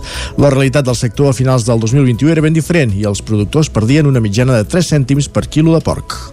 La bonança del sector en el primer quatrimestre de 2021 s'hauria vist troncada per l'augment del preu de les primeres matèries, com el pinso o l'electricitat, pel fren les exportacions i per l'alerta de la pesta porcina. El sector va tancar l'exercici el mes de desembre amb pèrdues de 33 cèntims per quilo. El preu de cost de la producció de porc es va situar en els 13,2 cèntims i el de venda en els 10,2 cèntims, és a dir, de mitjana els productors perdien 3 cèntims per quilo de porc. Ho detalla Rossent Saltiberi, responsable nacional del sector porcí d'Unió de Pagesos. La baixada de preus, dos motius, bàsicament. Un és el, la davallada de- d'exportacions de, cap a la Xina, un tema perquè s'han anat recuperant, i per l'altra baixada també una baixada de consum a nivell d'Europa per l'efecte de, del Covid. Val? I per l'altre cantó l'increment important de, de costos tant amb temes energètics com d'alimentació A l'encariment de les primeres matèries s'hi afegeix la preocupació per la difusió de la pesta porcina africana que ja s'hauria detectat a Itàlia i a Alemanya. Des d'Unió de Pagesos alerten del risc que els senglars acabin portant la pesta cap a la península, Rossent Saltiberi.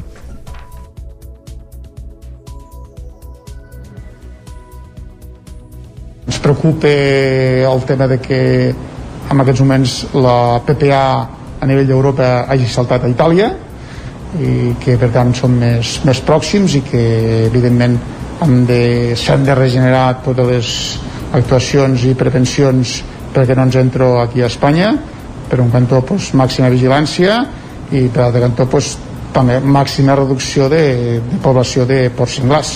Els productors encaren el 2022 amb incertesa, ja que hauran de fer front a les noves exigències mediambientals i a l'actualització del Reial Decret d'Ordenació Porcina.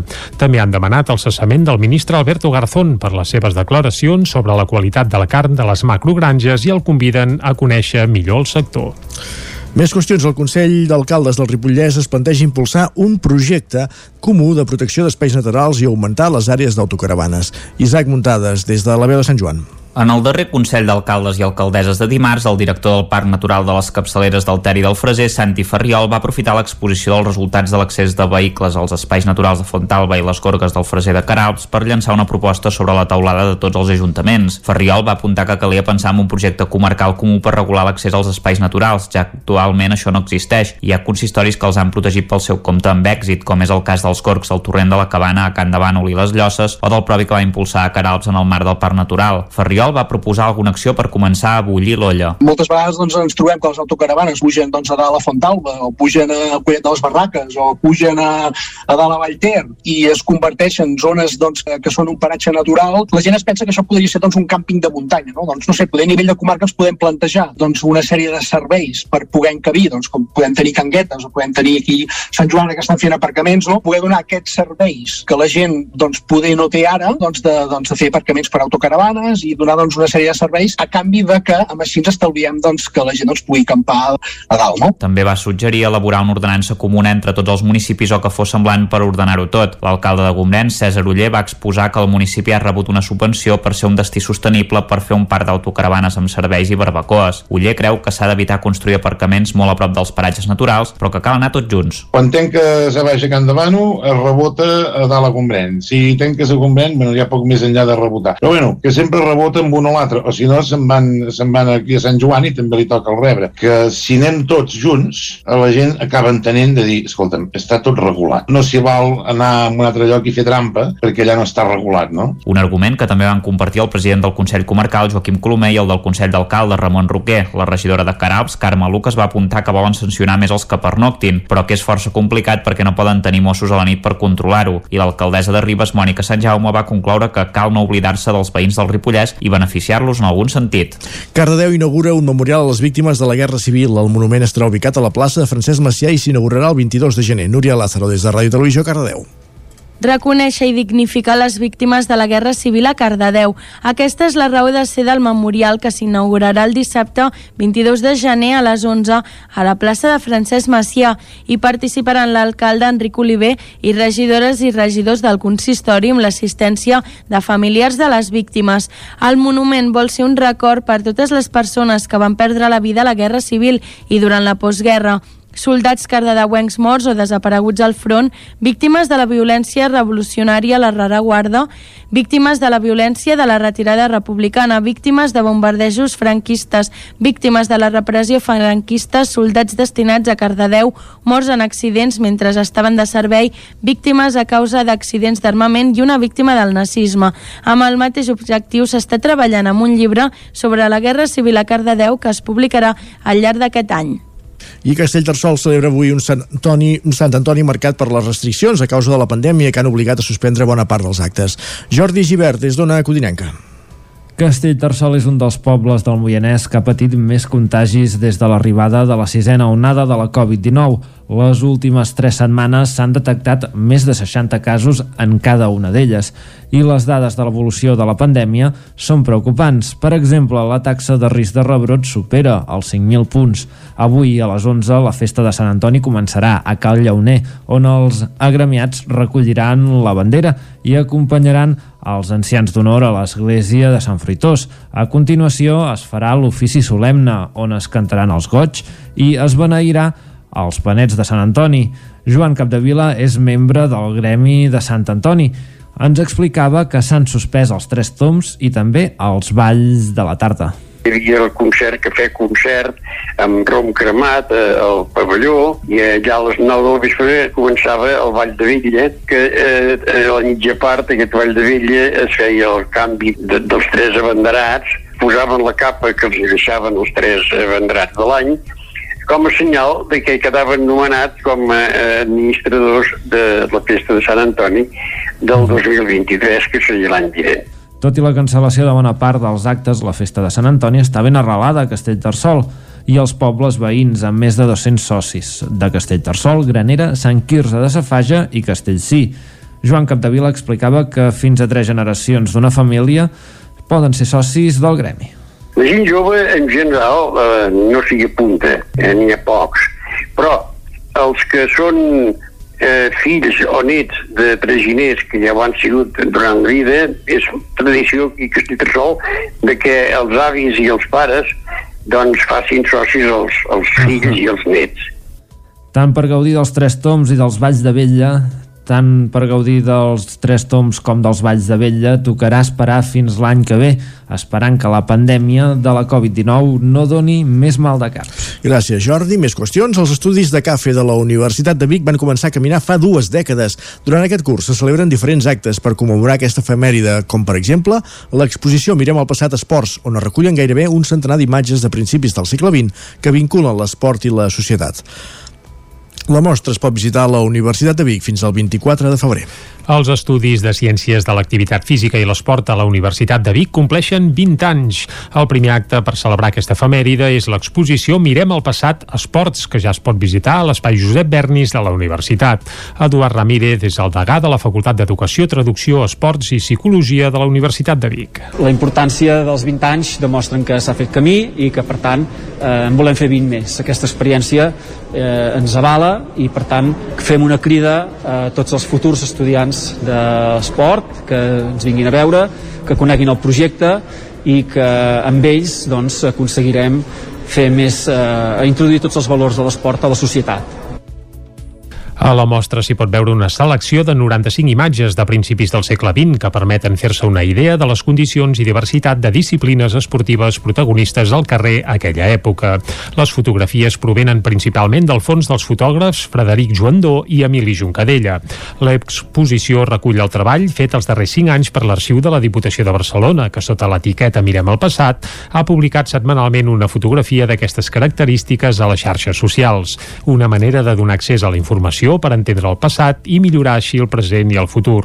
Jordi Vilamala és el cap de secció d'Arxiu i Gestió Documental de la Diputació de Barcelona. És una visió eh, social i una visió filosòfica de l'esport que intenta de representar les dues vessants de l'esport de començament del segle com s'introdueix a la societat. Un, l'esport més elitista de l'alta societat, però dos, l'esport doncs, d'altres estaments no tan elevats de les societats no? i que, quines implicacions té i més enllà de la bellesa plàstica i gràfica que la té i la té molt eh, si despullem això i, i despullem l'esport doncs hi ha condicions social, hi ha vestuari hi ha condició física, hi ha urbanisme hi ha tot un seguit de comportaments que, bé que es veuen aquí no?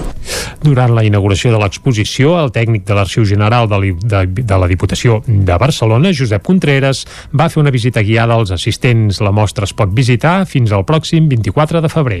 I en l'àmbit cultural, el grup Tona 78 Talia Teatre ha tornat a l'escenari aquest cap de setmana amb l'obra Perfectes Desconeguts, un muntatge que ja tenien previst estrenar al març del 2020, però que la pandèmia els va obligar a suspendre.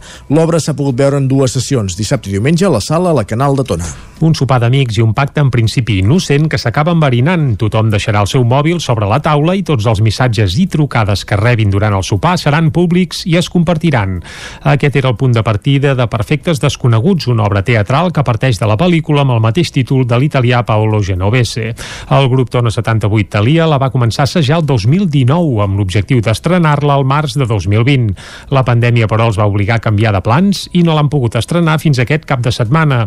Ima Bassas és una de les actrius de l'obra. Al març de, de, de l'any passat havíem d'estrenar i quan ja ho teníem tot a punt 15 dies abans eh, es va declarar la pandèmia per tant va quedar tot anul·lat cartells distribuïts, Mhm. entrades ja comprades, o sigui venudes o sigui es va haver de tornar a fer el retorn de les entrades, dels diners i, i, bueno, i deixar-ho així tancat amb stand-by fins Doncs fins a l'estiu del 2020, en què es van tornar a trobar amb l'objectiu de tornar a preparar l'obra, però al final no va ser fins a la tardor del 2021 que el muntatge, dirigit per Esther Riera, va tornar a posar fil a l'agulla amb un parell de canvis en el repartiment original.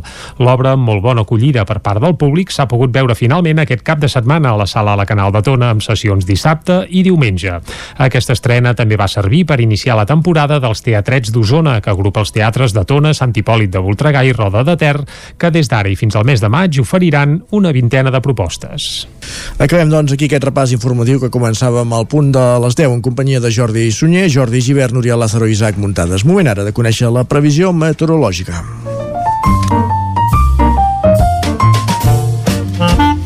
Casa Terradellos us ofereix el temps. Una previsió meteorològica que, com sempre, ens acosta en Pep Acosta, qui ja saludem de nou. Bon dia, Pep.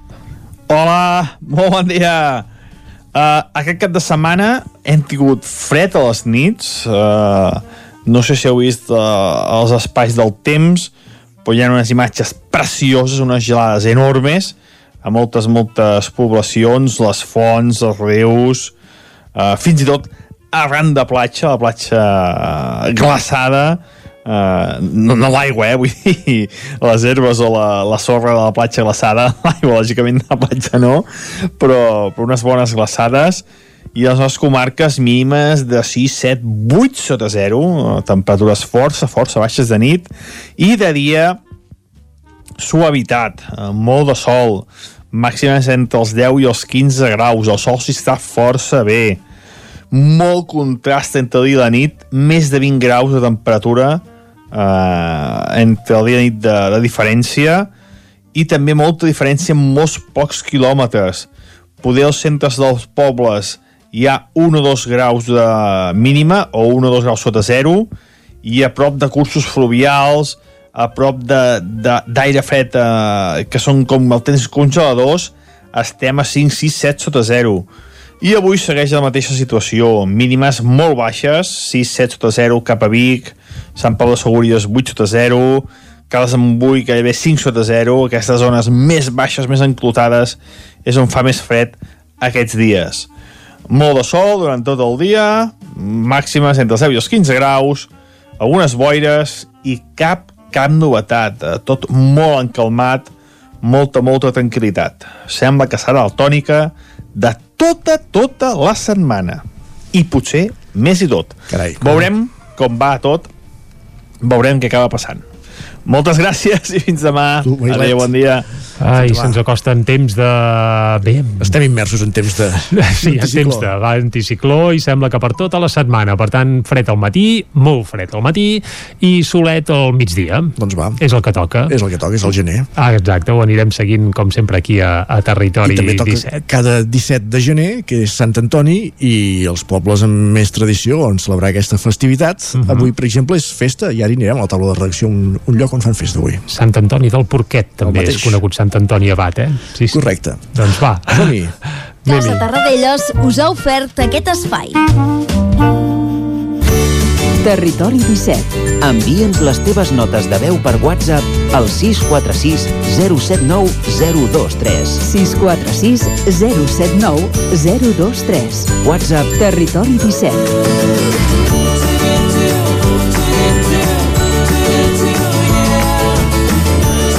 Territori 17.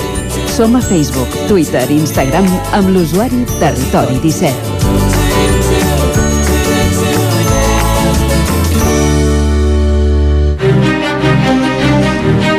Passa un minut i mig d'un quart d'onze. Hem anunciat l'entrevista amb Gerard Ferrés, la farem a l'hora de la taula de redacció, a partir de dos quarts. Mentrestant, però, és això, avancem la taula de redacció i ens desplacem fins a Sant Feliu de Codines. Avui, eh, el poble d'una- de les emissores on fan, que fa possible cada dia aquest programa és festa, és festa major d'hivern, en honor, com dèiem, a Sant Antoni Abat, i per això tenim allà la Gemma Permanyer a punt d'explicar-nos que, com està, quines són les celebracions previstes per aquest matí de Sant Antoni a Sant Feliu. Bon dia, Gemma.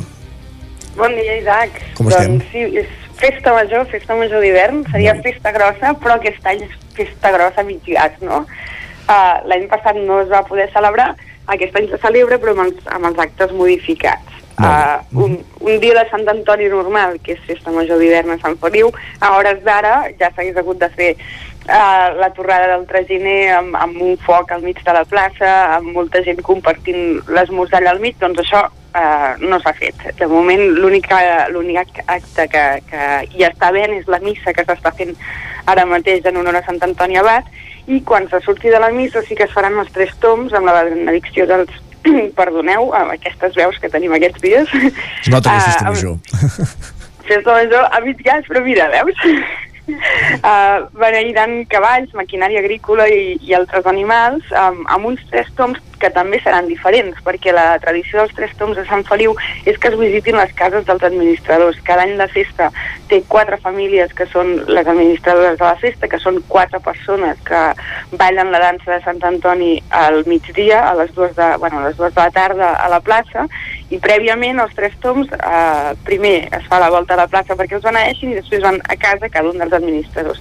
Aquest any serà un recorregut molt més curt pel centre de Sant Feliu, se sortirà de prop de l'església, aniran a la plaça, faran una volta pel centre i acabaran al centre cívic, sense eh, passar per, per, per menjar les coca, les, les figues i el vivó per a, a, aquesta mm, Mesures. restricció de, sí, de- d'evitar tots els actes populars que comprometin compartir menjar, no? I hi ha ambient, però hi ha aquell mig ambient, diguéssim, Sí, perquè hi sol, sol ser un dia que el carrer és molt ple i, i ara mateix, doncs, bueno, I aquell regust, d'aquella manera. Marc. D'aquella manera. Quants, quants animals i quants carruatges surten a, als tres toms, diguéssim? Doncs normalment són una setantena perquè també ve gent dels pobles del voltant, però aquest any, com que és mig gas i tot just està començant, uh, us haurem de dir demà exactament quants, quants han estat, però, però sí, també és un, un any una mica estrany perquè l'any passat no ho vam poder celebrar, uh, amb tota aquesta etapa s'han perdut persones importants pel gremi. Uh, el programa d'aquest any, per exemple, homenatge a Félix Guerrero, que era una persona força jove, d'uns 50 anys, que va morir d'un atac de cor, que ell s'encarregava d'impulsar tota una colla de, de gent que sortien en multiculturs cada any. Llavors tampoc uh, sabem com, com afectarà la pèrdua d'aquest puntal uh, amb aquest grup de gent que sempre sortia. Sí que es manté, com us deia abans, la dansa, que la, la ballen quatre parelles, la Caral Segalés amb Libres i Soco, la Carla Canet amb l'Oriol Rifà, la Marta Codina amb el Pau Garcia i la Guardia Vallcorba amb el Roc López. És un- una dansa tradicional eh, que té la gràcia que el públic encara interacciona molt tant amb la copla com amb els dansaires. No? Tothom crida esperant que els dansaires s'equivoquin, es demana que, que es volti la berra, mentrestant a, a plaça doncs, el ball és més tradicional, diguéssim. Molt bé. I, i, i el fet de ser un, un dia eh, que és festiu a Sant Feliu però que és feiner a, a l'entorn també, què passa els altres anys diguéssim l'hora de fer la, la crida de, de, de portadors de carruatges de, de geners de cavalls? Ho dic perquè aquí a Osona estem acostumats que les festes de, de Sant Antoni Abat els tres toms o, o els tonis que en diem aquí estem acostumats que Peti i Petis fan sempre en cap de setmana no es fan coincidir amb, la, amb, la, amb el dia de, del patró i clar, el cap de setmana és més fàcil de, de mobilitzar gent. En el cas de Sant Feliu, que sempre és aleatori, diguéssim, en funció de, del dia que cau el 17 de gener, com, com us ho feu, això? Doncs hi ha molt, molt seguiment local, a banda sempre hi ha un grup dels Tres Toms de Vigues i Riells que sol pujar, hi havia unes, un grup de persones que crec que eren de Vilanova i la Geltrú o de, de, de Lluny que també venien i després també hi ha com un intercanvi amb gent de Caldes que ells venen aquí i, i Sant Feliu baixa a Caldes perquè Caldes sempre ho fa el diumenge tot just després de, de la festa o sigui, en el cas de Caldes serà aquest diumenge Perfecte. Doncs Gemma, moltíssimes gràcies i que vagi molt bé aquest dia de, de festa major d'hivern a Sant Feliu. Gràcies a vosaltres. Bon dia. Bon dia. I d'una codinenca, de Sant Feliu de Codines anem fins a la veu de Sant Joan, cap al Ripollès amb l'Isaac Muntades. Isaac, bon dia. Bon dia, Isaac. Per ampliar aquesta informació que donàvem a les 10, no? sobre aquesta intenció de, de treballar conjuntament en la protecció dels espais naturals del Ripollès, una, una informació que sortia del darrer Consell d'Alcaldes. Sí, exacte. Això es va parlar en el darrer Consell d'Alcaldes. De fet, va ser una proposta que va venir eh, per part del director del Parc de les Capçaleres del Ter i, de, i del Freser, en Santi Ferriol, que demà podrem parlar doncs, amb ell aquí també a, a l'entrevista de, del Territori 17, i, i bàsicament eh, això, no? ell va posar sobre la taula que s'havien d'intentar protegir, perquè el que ha passat aquí al Ripollès una mica és que sí que s'han eh, intentat protegir diversos espais naturals, evitant doncs, eh, sobretot l'accés motoritzat, que és la manera eh, més evident per, per aconseguir que, que es redueixi aquesta massificació perquè evidentment si tu eh, prohibeixes que s'hi pugui accedir amb cotxe i que s'hagi d'aparcar eh, més, com més lluny millor de l'espai natural doncs la gent hi ha d'anar a peu i molta més eh, gent desisteix que no s'hi pot eh, aparcar pràcticament a, a la porta de, de l'espai natural amb cotxe, no? per dir-ho d'alguna manera que és per exemple doncs, el que passava al torrent de la cabana de Camp de Bànol eh, i les Llosses, o per exemple també a, a Fontalba i a, la, i a les Gorgues del Freser doncs, que se, aquest estiu ja es va limitar l'accés a, una, a una sèrie de vehicles.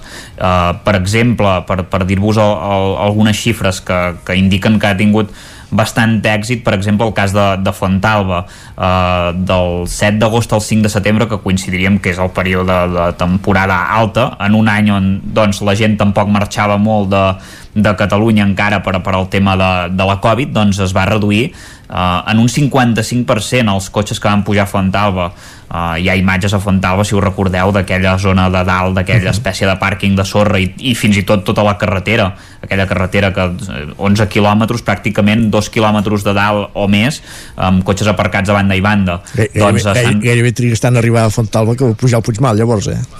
Exacte, sí, sí, sí, no, no. I, de, de, de fet, si aparques molt lluny, perquè clar, potser si vas una mica tard ja, ja no aparques allà, doncs això s'ha limitat. Ara hi poden pujar doncs, una mitjana, bueno, hi poden pujar 70 cotxes eh, al dia en aquest aparcament. I clar, això ha fet que de 5.390 haguem passat a 2.428, això és menys de la meitat vull dir que és una, és una xifra bastant eh, important eh, també a les, a les gorgues del Freser doncs es va, es va posar un, un límit no, a, a Daió abans d'arribar a Caralps Correcte. que, que bé que es, que es van posar-hi 44 places només i, si, i a partir de certa hora doncs eh, podies passar-hi Uh, però, però bé, quan s'acaben les places ja no hi havia possibilitat d'aparcar-hi per tant és, és una manera, no? això uh, un, una de les solucions que es va donar va ser el tema de, de posar sobretot pàrquings d'autocaravanes no? en els municipis. De fet és una cosa que s'està fent ja. Vull dir que hi ha diferents pobles de la comarca com han fet Can de Bànol fa poc va acabar el seu pàrquing d'autocaravanes uh, del costat de, de l'hospital que, que allà s'hi pot aparcar. Sant Joan està enllestint el seu uh, a les 5 fonts, un, es, un espai que doblarà la seva capacitat amb, amb moltes autocaravanes. Ripoll n'ha construït, té el de Can Guetes, però n'està construint, bueno, de fet ja l'ha acabat a la zona de la Devesa del Pla, i Camprodon també n'està construint uh, un per la zona exterior de, del municipi anant cap a Molló, vull dir, els pobles grans també s'estan movent, Ribes també té l'aparcament a, a l'entrada del poble, tot i que uh, és més difícil construir-ne un altre, s'està fent perquè el procés participatiu de l'any passat es va decidir així, però bé, és una de, de les propostes. L'altra seria eh, fer una ordenança conjunta entre tots els, els municipis de la comarca, eh, més o menys dir les mateixes eh, normes, per tal d'unificar-ho i anar tots a la una i que no hi hagi proteccions de zones concretes que el que fan senzillament és que una persona que anava en un lloc vagi en un altre i traslladi el problema eh, en aquest altre lloc i es massifiqui. Sembla mentida eh, que una cosa d'entrada tan sana com anar a la natura eh, en els últims anys per la massificació estigui generant tanta problemàtica i tants debats. Gràcies, Isaac, per ser un dia més a la taula de redacció. No marxis gaire lluny, que parlem després fent el repàs esportiu i després la tertúlia també. Fins ara. Fins ara. Adéu. I com dèiem, que cada dia al Territori 17, ara fem aquesta petita pausa, llavors sí, tornarem com cada dia amb, amb en Guillem Sánchez amb les piolades, repassant el que vull Twitter i aquesta entrevista que comentàvem amb en Gerard Ferrés, el pilot usnenc que ha tornat del, del Dakar, que va tornar dissabte del Dakar després de la prova que va acabar divendres en la segona posició en la categoria de, de buguis. Sí, sí i bé, va quedar segon però si hagués volgut hagués, hagués acabat primer perquè va començar la darrera etapa eh, liderant la classificació, però en tot cas d'això en parlarem personalment amb Gerard Ferrés, que el tindrem aquí a l'estudi del nou FM d'aquí uns minutets. Ara toca fer una pausa Ai, ai, Perdó, ai, ai, ai, ai. que ens engolim, ens engolim, ens arrovellem. Una pausa de 3 minuts i tornem a això, dos quarts de punt, saludant en Guillem Sánchez, com fem cada dia. Fins ara mateix. Fins ara.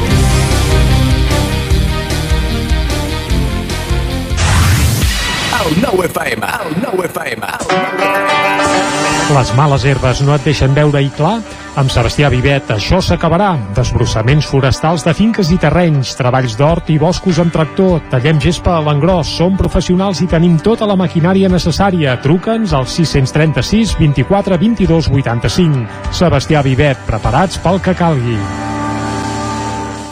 Saps què és el confort intel·ligent? És tenir un terra radiant Giacomini a casa. Benestar que no es veu, però es nota tot l'any. I que pots controlar a distància des del teu mòbil, estalviant energia i diners. Suma't al confort intel·ligent amb Giacomini. Informa't a giacomini.es o truca al 93 884 1001 i t'ajudarem a tenir un terra radiant a casa o a l'oficina.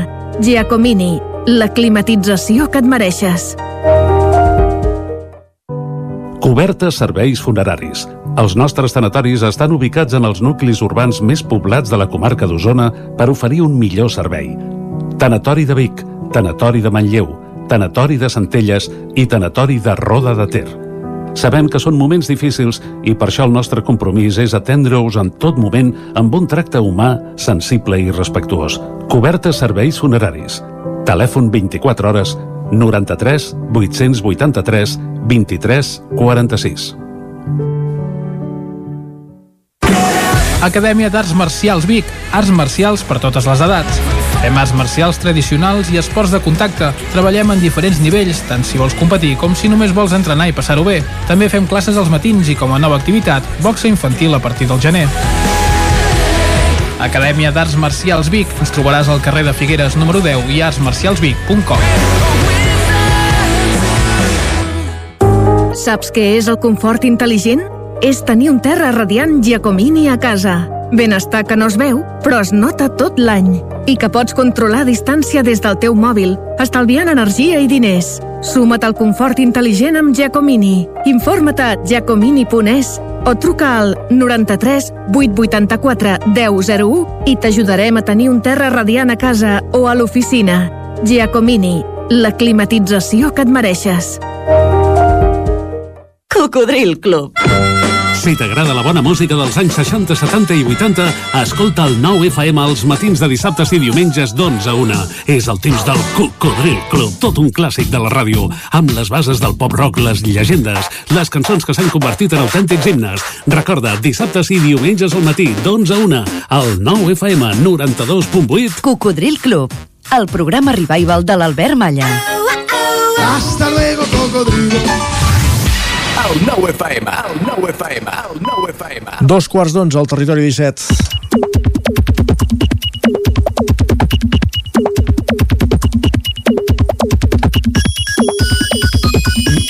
I a dos quarts d'onze, com cada dia, és el moment de fer un cop d'ull a Twitter i sempre el fem, evidentment, amb la bona vista d'en Guillem Sánchez, a qui ja saludem. Guillem, bon dia. Bon dia, Jordi, bon dia, Isaac, què Bon tal? dia. I molt bona hora i molt bon de tot, eh? Què ens portes avui, Guillem? Doncs va, espero primer que hagi anat bé el cap de setmana. A l'Eric, Sí, no, a l'Eric no. per això em sembla que no li han anat tan bé les coses, perquè avui al matí ens escrivia, diu, afronto el dia més trist de l'any, que no sé si diuen Ara, que és aquest, aquest 17 de, de gener, diu, de la manera més positiva, amb dos testos d'antígens positius per la Covid-19. Per tant, com a mínim una setmana a casa Bé, per, doncs, per eh, l'Eric. Ànims empenta i escolta, això del dia més trist de l'any de cap manera, home. Tot això es feien Sant aquells- Antoni Abat. Es feien aquells estudis de, de dies més tristos de l'any que combinaven el mes de l'any en què et trobaves, l'estació, el dia de la setmana, i em sembla que algun dilluns o dimarts del mes de gener corria la brama que, era, que deien que era el dia més trist de, de tot l'any si combinaves tots aquests factors, eh? No sé si cau, si cau avui o no. Bé, però com en recorda la Jessica, diu de positius, contactes estrets i ases n'hi ha a totes les cases i més amb aquests temps i amb aquestes Té tota setmanes. la raó, i tant que sí. I en temps de Covid-19, converses d'aquestes com les que llegirem ara poden succeir a través dels dispositius mòbils. Un, un usuari ens ha compartit una captura de pantalla amb el següent diàleg. Diu, ens hem trobat a l'escala i ens hem quedat parlant com iaies. L'altra persona li respon, jo hi vaig bastant a l'estiu, quines ganes d'estiu. Mentre que el primer interlocutor li diu, no, a les escales de casa, que estic confinat. Ai, ja pensava en les anxoves, eh? aquest altre Pensàvem. amic, sí, sí, segur, segur. En fi, el de coron- les cales, clar. Sí, correcte. Sí, sí.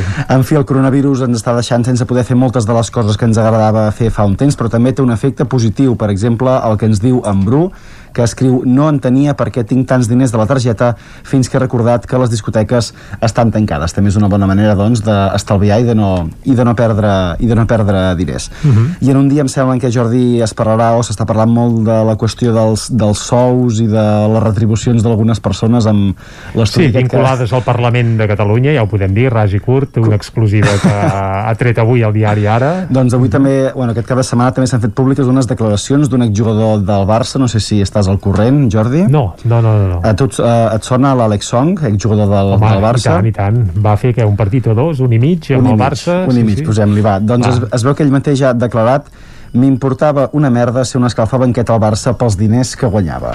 Ras curt i així de, de sincer. Qui això? Uf, Àlex, ah, Àlex Song. Song. Sí, sí, Àlex qui no es Song. recorda... No, i a més, eh, d'aquest xicot me'n recordo, bueno, sembla un intitidu, un, un, un titiu, eh, però allò que el venien, va, que no sé què, i el tio no volia pas marxar, eh, i No, no, però li feia no acabar de... Però clar, sí, sí, ja ho diuen clar. Com ens diu-. Correcte, de fet, diu, eh, com diu en Xavi, diu per fi algú ben normal i ben sincer al món del, del futbol, aquesta és una, és una visió, i en Manu també ens apunta, eh, diu, quina ambició, es veu que a l'Arsenal, que és l'equip que jugava abans de venir al Barça, diu, li pagaven 1.500 euros al mes i no era pas milionari. Segur que guanyava més diners al Barça que a l'Arsenal, això devia estar clar, però bueno, si, si, Home, si jo ets estic futbolista segur que hi ha molts altres futbolistes i em venen uns quants noms al cap que subscriurien aquestes afirmacions de l'Àlex Song. El que passa que clar, queda lleig dir-ho, eh? Queda lleig dir-ho. Però al Barça em ve algun nom al cap i tot, però Ja- ja, ja l'has dit, de fet. Això ho, ho, guardarem, ho guardarem per més endavant, en tot cas a la tertúlia esportiva. Va, i com sabeu, cada dia es fan públics un bon nombre d'estudis arreu del món. El següent m'ha despertat una mica la curiositat, eh, titular com aquest diu Els cavalls de guerra medievals tenien l'alçada d'un poni, afirma un estudi britànic. Ah, sí? Es veu que sí, han fet un estudi amb no sé quants ossos de no sé quants animals de fa no sé Però clar, quants... també és cert que els cavallers de l'època també, ta- també eren de dimensions més reduïdes que els d'ara, no? També podria ser, o sigui, ja, ja s'ajustava tot, no era una qüestió d'adaptació. El que està clar és que totes les pel·lícules que s'han fet Ah, eh, situades a aquella època i fins i tot còmics o il·lustracions doncs van errades d'osques perquè hi apareixen cavalls com els que tenim al cap tots plegats eh? Són els cavalls d'ara, de fet, els que hi surten. Sí, sí, de, de fet, com, evident. com diu en Joan, diu, veuràs quan incorporin els films d'època i la Sony ens hi afegeix, ja em perdonaran els puristes, però imaginar-me en Jaume I conquerint territoris damunt d'un poni fa una mica... Home, I a més, és que Jaume I diuen que feia gairebé metro 80, que per l'època era una bestiesa. Clar, és que anant al cim d'un poni tocava de peus a terra. és que no me l'imagino entrant a València arrossegant els peus home, enfilat amb un poni, però vaja, tant és, molt bé, Va, i, un, fantàstic. I un parell de comentaris vinculats amb les baixes temperatures que tindrem aquests dies, que ja ens han anunciat que sembla i que, ja tenim, seguiran, eh? Sí, que seguiran bueno, encara... Que tindrem als matins i a les Correcte, nits. Cal dir que al correcte. migdia solet. Correcte, la Marta ens diu la meva veïna ha considerat que el seu gos tenia fred i que necessitava un jerseiet, diu és un husky, no sé de quina mida ha hagut de fer doncs aquest jerseiet petit Home, jo diria que els huskies poden anar tranquil·lament conills pel carrer i, I no encara sé si- que estiguem a sota de zero. Eh? No sé si hi ha una mida màxima per posar un jersei amb un, amb un, amb un gos. No sé si... El husky seria XXL. I en tot cas, si el fas a mida, escolta, amb un Sant Bernat i tot, li pots posar jersei si vols, però clar... Sí, ja seria el 3XL. Però bé, la solució és ben fàcil, que és la que ens diu l'Almo per tancar avui les piulades. Diu avui una sopa ben calenta per sopar que fot un fred que pela. Això és cert. Doncs vinga, Ben fàcil. sopa pels gossos, si cal també. Va. Gràcies, Guillem. Moltes gràcies. A vosaltres. I abriga't bé, va. I no marxis gaire lluny. També, exacte. I ara nosaltres el que farem és fer un cop d'ull a les portades del 99.cat. Comencem ara mateix per l'edició del Vallès Oriental, que obre explicant que la contractació es recupera i creix un 24% durant el 2021 al Vallès Oriental. També s'explica que la policia de Parets del Vallès fa dues detencions en 48 hores i que la mitja marató de Granollers es cursa el topall d'inscrits fins a 4.000, és a dir, no hi, no hi podrà haver-hi més de 4.000 corredors a la mitja de Granollers. Anem cap a l'edició d'Osona i el Ripollès, que ara mateix explica que l'esllavissada a la R3 que hi va haver entre Ribes i Planoles fa uns dies arriba al Senat espanyol, concretament de la mà de Josep Maria Reniu, senador eh, d'Esquerra, biguetà. També gats i gossos més regulats, i hem explicat que, que bé, que ha crescut el cens de gats i gossos. Eh? Vic ha doblat en els últims 5 anys el nombre de gossos inscrits al cens municipal.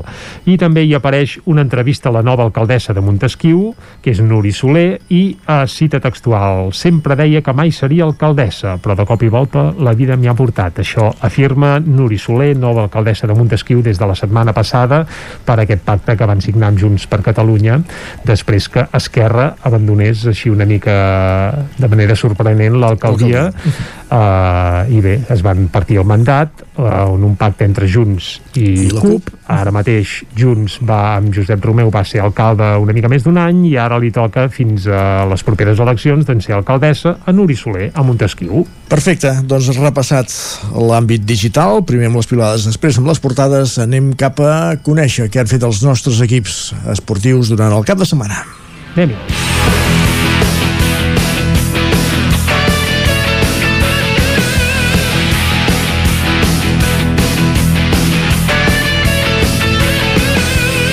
I ja que et tenim aquí a l'estudi, Guillem, i et deia no marxis gaire lluny, comencem, si et sembla, fent el repàs dels equips usonencs.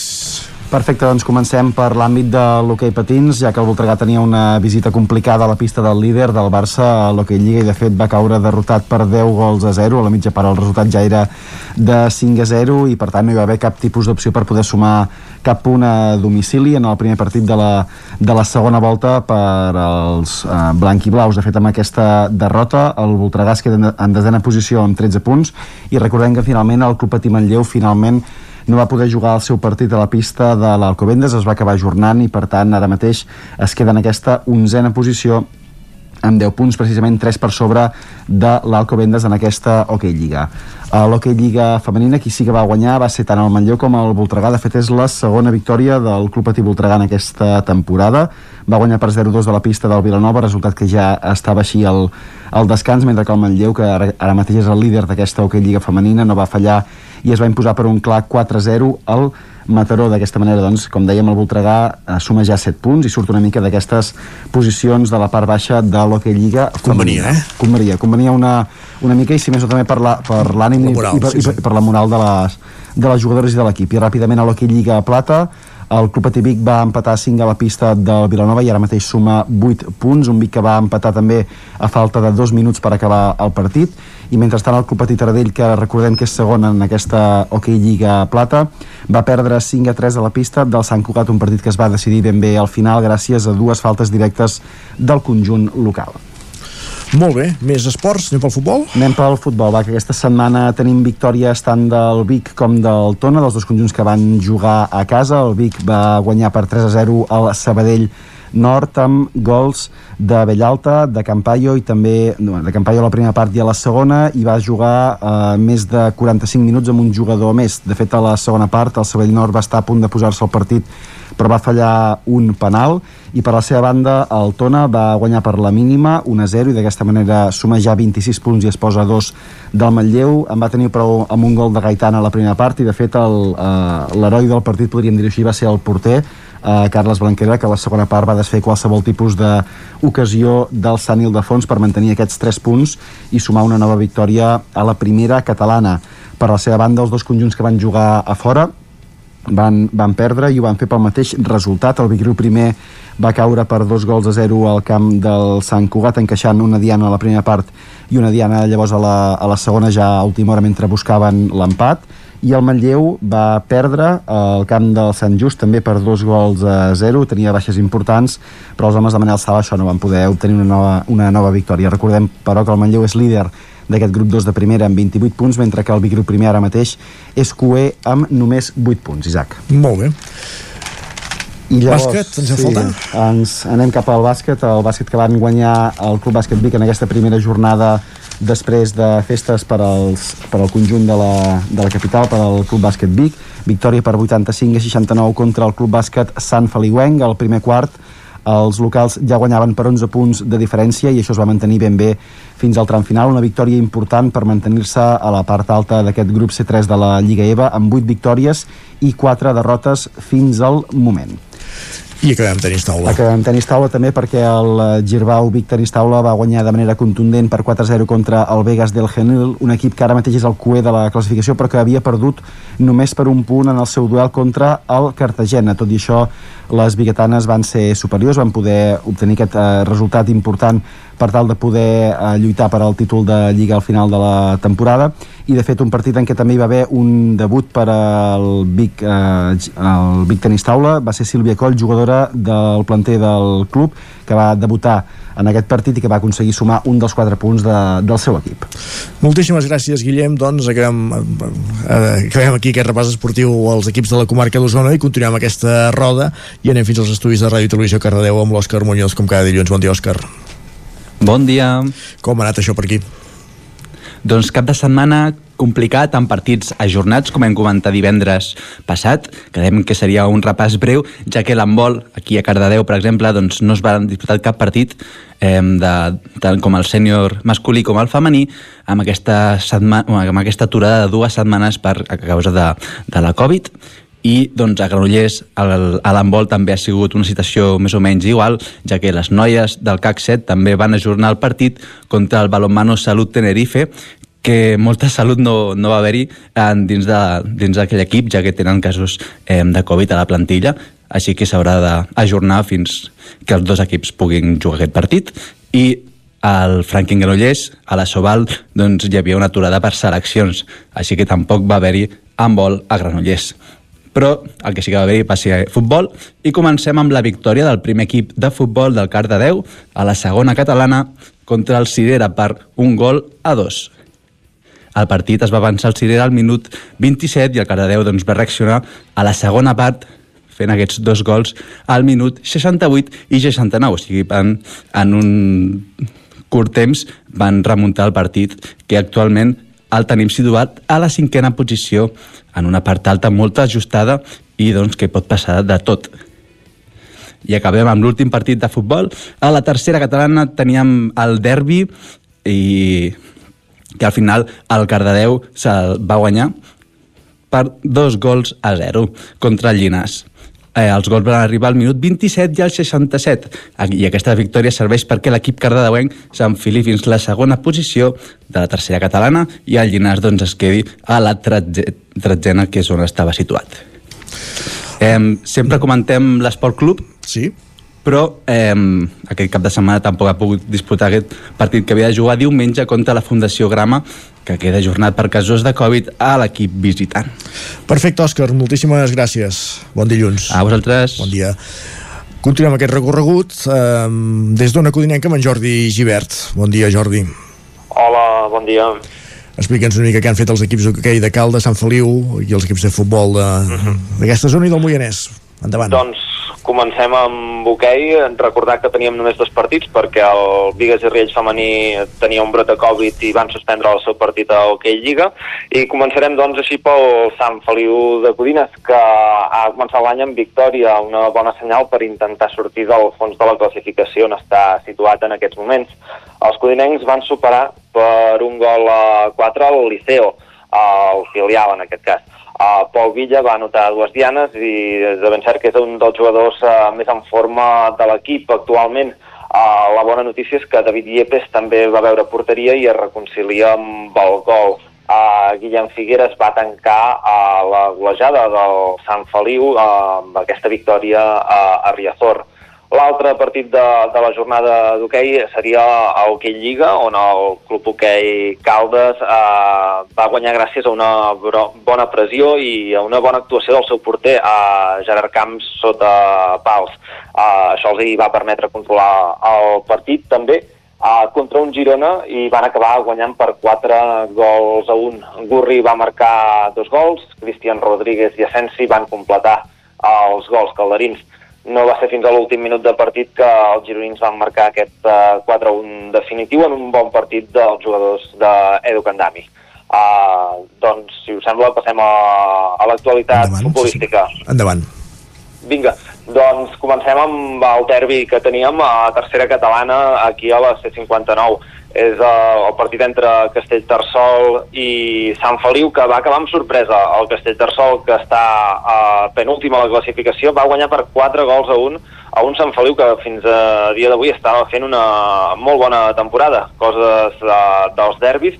Els de Castellterçol van començar endollats i van marcar dos gols uh, en els primers minuts de partit i a partir d'aquí els codinencs van anar a remolc tota, tota l'estona. Uh, fins i tot el, no es van poder posar al partit van marcar el tercer gol a la segona part els, els, el combinat de Castellterçol i finalment uh, als últims minuts dos gols, un per cada banda van deixar aquest 4-1 definitiu.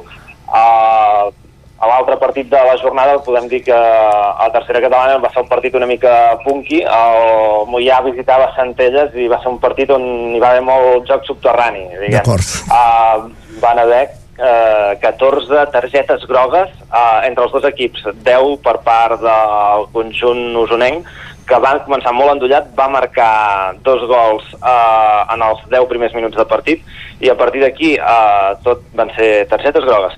Uh, el Mollà no es va poder posar en el partit en cap moment, ni jugant amb un home més a bona part de la segona part. Uh, van marcar el 3 a 0 als Centelles encara jugant amb, amb 10 homes i a últims minuts del partit van marcar el gol de l'honor al, al Mollà, deixant un 3 a 1 en el marcador final. Uh, per acabar, en sopegada del Caldes a segona catalana, segona seguida, segon empat consecutiu, aquest cop contra el GURB, a més un empat que, que va fer mal perquè va ser uh, als últims minuts de, de partit i el Caldes encara no coneix la victòria aquest 2022. Doncs haurem d'esperar a que arribi aquesta primera victòria del, del 22 pel Caldes. Gràcies, Jordi. A vosaltres. Bon dia. Continuem aquest recorregut eh, als estudis de la veu de Sant Joan amb l'Isaac Muntades. Com ha anat pels equips del Ripollès la cosa? Bon dia. Ha anat bastant malament, com darrerament, vull dir que ha estat una jornada molt, molt dolenta. Uh, només eh, podem registrar una victòria i si voleu comencem eh, parlant de futbol, el subgrup A de la segona catalana, en què el Camprodon doncs, va reviure el mateix partit de, de cada jornada, el mateix guió de partit, uh, domina, té les ocasions, però li falla la- l'efectivitat i quan comet errors en defensa doncs uh, els paga cars amb gols i acaba perdent. I en aquest cas ho va fer uh, per la mínima, 0 a 1 davant del marca de l'AM, i ja us dic, eh, el Camprodon va tenir un travesser d'Uri Galceran, el porter visitant doncs, va fer mm, una, dues aturades de mèrit a Edu Planella i Busquets, i va fer un autèntic eh, recital. I a la segona part doncs, el partit va canviar una mica, es va començar a travar, eh, moltes faltes i constants interrupcions i al minut 60 amb pràcticament l'única ocasió del partit de, dels visitants doncs, una pilota que van robar al mig del camp va acabar amb un contraatac. Semblava que la defensa la, la, la parava, la- l'atac la, del marca de l'AM però Ribeiro va robar-li la, la pilota a un dels defenses i des de dins l'àrea va fer l'únic gol i així doncs va, va perdre el Camprodon que continua cué amb 7 punts i matemàticament ja no podrà situar-se entre els tres primers d'aquesta primera fase per lluitar per l'ascens de categoria i per tant ara ja segur que hi ha lluita pel, pel descens, ara de forma uh, matemàtica. Uh, encara en futbol, però la tercera catalana, la badesenc de Miquel Muñoz no acaba d'arrencar i va tornar a perdre per la mínima, 1-0 al camp de l'escola de futbol de la Garrotxa, en un partit on els Sant Joanins no van donar la seva millor versió i a més a més els hi va faltar fons físic per competir amb un equip que acostuma a ser molt intens, sobretot eh, com a local, i això es, es va notar. I això que, per exemple, en, en defensa tornava Jaume Francolí, Xume, eh, després d'haver marxat uns anys al Torelló, eh, que va tornar a la Badesenc i que va jugar fins i tot a primera catalana amb els blanquinegres, però no hi va haver-hi manera i Felà va fer l'únic gol del partit amb una rematada en un córner quan només faltaven 13 minuts per, per acabar i ja va, va sentenciar-lo. La Badesenc és novè amb 21 punts i està doncs, amb aquesta caiguda lliure perquè fa forces jornades que no guanya. Uh, per la seva banda, el Canano va empatar 3 en un partit boig contra les Planes, que va tenir força alternatives, i que els visitants van jugar amb 10 homes des del minut 70, però no per expulsions, sinó perquè no tenien canvis. Vull dir que el Canano va desaprofitar doncs, l'ocasió de guanyar un partit uh, contra un rival que teòricament com a mínim físicament era inferior. Omar va avançar als locals amb una rematada de cap després d'una centrada al poc de començar. Ell va tenir el segon, uh, les Planes també va, fer, uh, va xutar el pal, uh, va aconseguir l'empat al minut 45 i just després Maideu va fer el 2 a 1 en un contraatac uh, en triplaça del porter. A la segona part, Uh, les Planes va capgirar el marcador primer amb un xut uh, de Güell des de dins l'àrea. Uh, Diallo va, uh, va fer el 2 a 3 al sortir d'un córner i quan ja semblava que tot estava perdut al temps de descompte Omar doncs, va fer una gran jugada individual triplant-se al defensa i marcant uh, amb un xut molt potent que fa que el Canano sigui cinquè amb 26 punts i encara doncs, està a la part alta. Dos coses per acabar. En hoquei la primera catalana, mal resultat de l'hoquei Club Ripoll, que va caure a la pista del líder, el Club Patí Sant Celoni. Els ripolleros es mantenen tercers a la classificació amb 22 punts i a falta de 3 partits per acabar aquesta primera fase ho tenen bé per classificar-se per la segona. Uh, mal partit en què es van tenir moltes errades defensives, al descans ja hi anaven uh, 3 a 0, només començar la segona part uh, van marcar el 4 a 0 als, als locals el 5 a 0 i finalment doncs, el gol de l'honor d'aparició només va servir per maquillar el marcador. I bé, l'única bona notícia doncs ens la porta l'equip que menys ens ho esperàvem a la primera nacional de futbol sala. Home, ja li tocava. perquè... sí, sí, sí. Sí, sí, després d'11 jornades, doncs, en l'últim partit de la segona volta, ja quan ja no pensaven que passaria, doncs va arribar la primera victòria de l'escola de futbol sala Ripoll Servicat, eh, que va derrotar 4 a 2 a, a l'escola Pia Santana de, de Mataró, un resultat que segurament va ser curt perquè els ripollesos van fer molt de mèrits i van jugar eh, molt bé el primer temps va acabar amb un 3 a 0 però la segona part, eh, com ens tenen acostumats els equips que juguen contra el Ripoll, doncs van aconseguir posar-li la por al cos amb dos gols consecutius.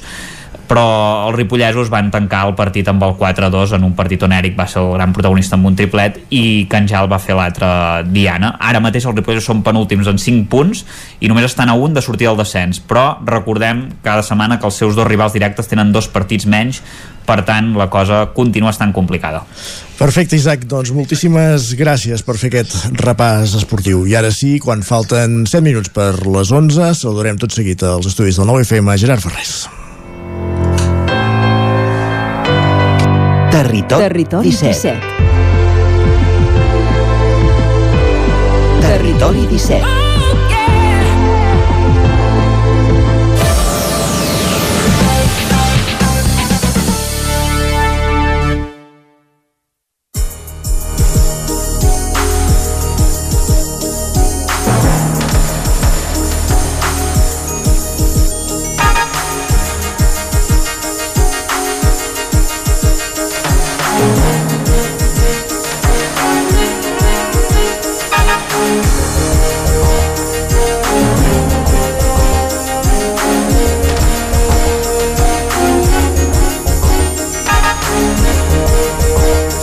Doncs com dèiem, ens acompanya als estudis del 9FM eh, els qui no, els qui ens vegin per la televisió no el veuran perquè hem hagut de fer un joc aquí d'aïllaments diguéssim per poder tenir Gerard Ferrés avui a l'estudi però ja el tenim amb, amb nosaltres aquí a l'estudi del 9FM el corredor del Dakar que tornava dissabte després d'aconseguir aquesta segona posició en, en la categoria de, de buguis Gerard Ferrés, bon dia Hola, bon dia. Com estem?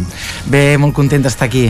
Encantats que siguis amb, amb nosaltres Uh, com dèiem, primer de tot enhorabona per aquesta segona posició un resultat que repeteixes al, al Dakar i no sé si estàs ja cansat una mica de, de la pregunta que han fet fins a la societat aquests dies, no? del fet de, d'haver cedit el primer lloc de la General al teu company d'equip, un lloc, primer lloc a la General que vas aconseguir dijous després d'una avaria tècnica de l'Austin Jones i que entenent que el teu rol de, de gregari a l'equip doncs que havies de, de, de retornar no? diguéssim aquesta posició eh, a l'última etapa, dit així planerament eh, és una mica el, el, rol que, el rol que tocava assumir en aquest Dakar, no?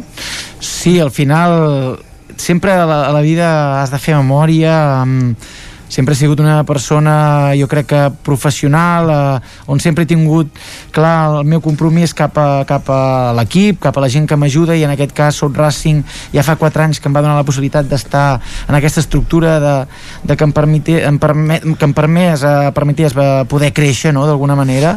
I aquest any doncs eh, 3 mesos encara abans d'anar al Dakar no tenia clar si podria córrer.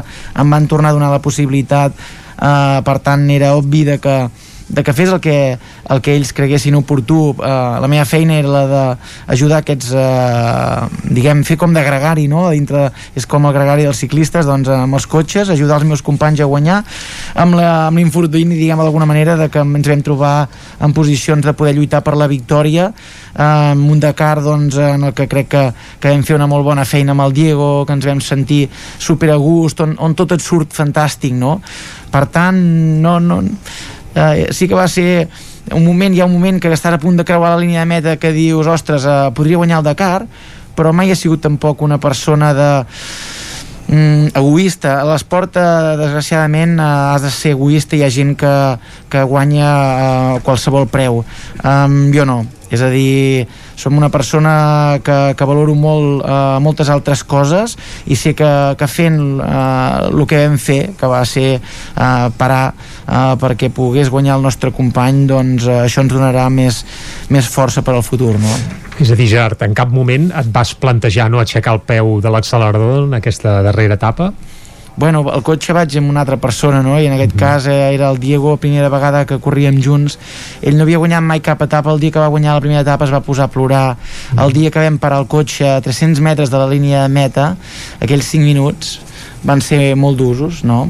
Um, i sí, pot, pot arribar a passar pel cap però no ho faries Mhm. no ho faries uh, clar, a vegades els pensaments no, són involuntaris eh? no, els pens, no els penses voluntàriament la resposta sí que llavors uh, la, la fas voluntàriament no? i en aquest cas doncs uh, vam, vam parar per aquest problema elèctric eh? Uh, Es posa a riure quan diu per aquest problema elèctric el Gerard, eh? Sí, sí.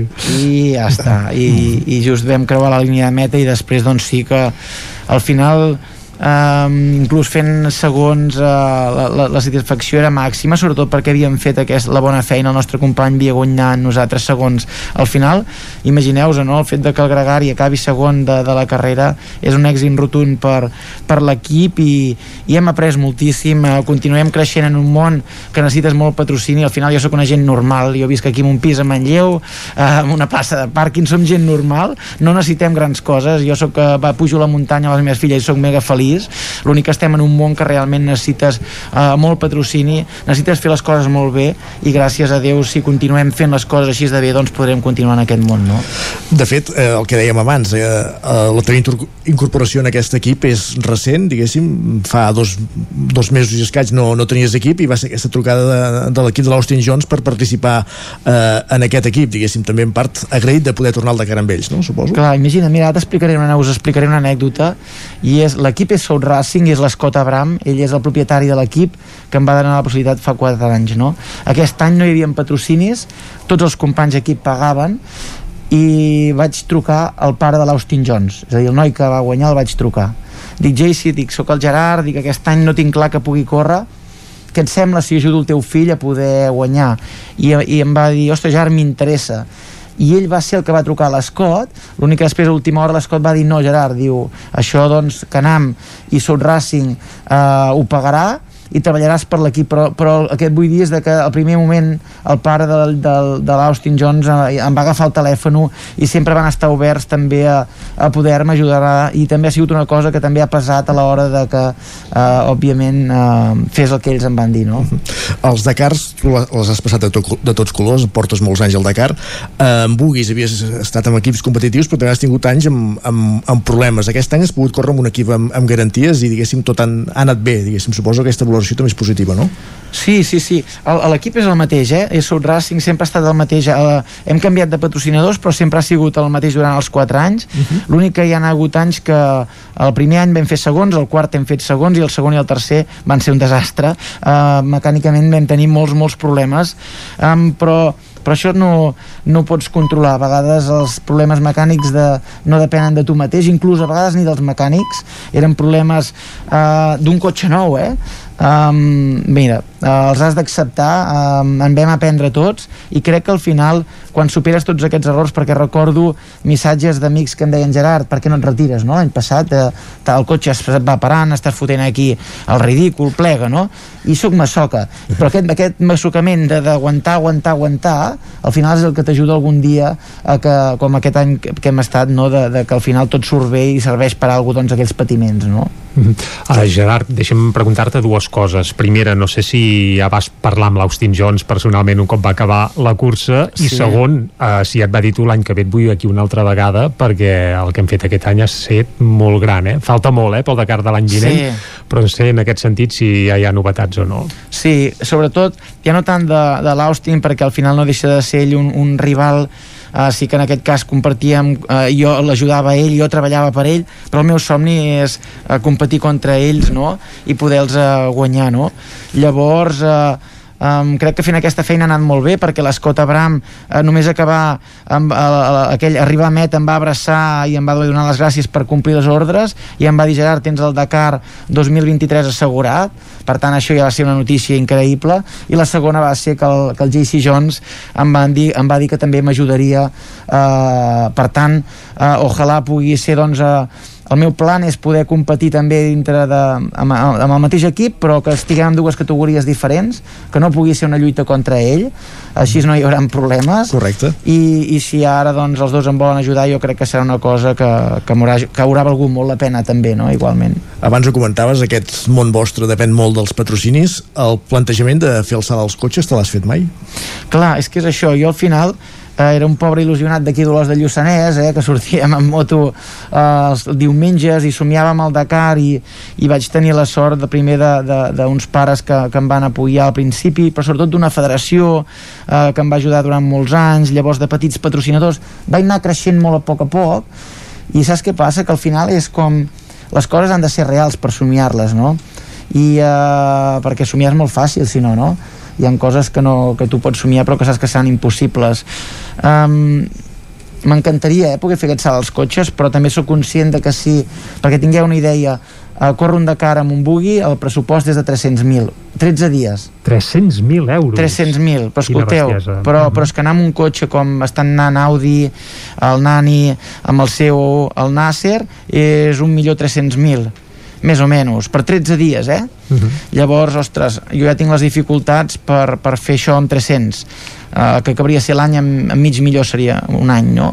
Per tant, sóc molt conscient de que és molt, molt complicat, però si estem fent la feina bé ara amb, amb aquests cotxes, també demostrem en els equips grans de D1, els equips professionals que som uh, pilots professionals, que fem el que ens diuen, que som uh, que no, no destru... Hosti, és molt important també la, la, la com t'ho diria, la, fi- eh, som consistents, és a dir, jo de 15 Dakars els hem acabat tots menys dos per, per avaria amb les motos, no?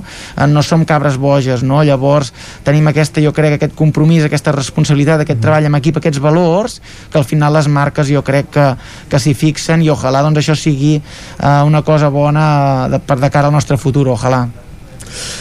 Gerard Ferrés, moltíssimes gràcies per ser avui aquí amb nosaltres al Territori 17 i valorar aquesta experiència del Dakar, dos dies després de- d'aterrar de, gairebé a l'aeroport. Com ho portes tot plegat? Perquè no sé si hi ha jet lag, si hi ha cansament, que hi, hi deu haver una mica de tot, no, ara mateix? Sí, ostres, quan tornes d'aquesta carrera és com una, com una guerra, perquè en 13 dies passen, passa de tot. Uh, és un contrast també de- d'emocions. De, uh, he plorat a dintre el cotxe um, uh, perquè realment és això, et, posen, et posa a prova, és una carrera que estàs moltes hores conduint, en què passen uh, amb el teu copilot doncs hi ha moments de tensió amb l'equip uh, que has de saber gestionar i, i realment acabes agotat però content, sobretot quan tornes aquí a casa fots un bon pa amb tomàquet Ah, això. veus a la gent Això de no casa això no ho eh? tenen a l'Aràbia Saudita, no, eh? no, home, et dic una cosa tots els que hem voltat, que vosaltres també tothom hem voltat, gràcies a Déu, aquí a Catalunya eh, com aquí no hi ha res El pa amb tomàquet ja l'has fet, eh, Gerard? Hosti, sí, eh? lo primer, lo primer sí, sí, sí, sí, sí. I amb embotits d'Osona, Oh, segurament, a més a segur, més. segur, el 200% Gràcies, doncs, i a enhorabona. vosaltres, gràcies Bon dia. bon dia I ara que passen 5 minuts del punt de les 11 és moment d'actualitzar-nos aquí al Territori 17. Territori 17, amb Isaac Moreno i Jordi Sunyer.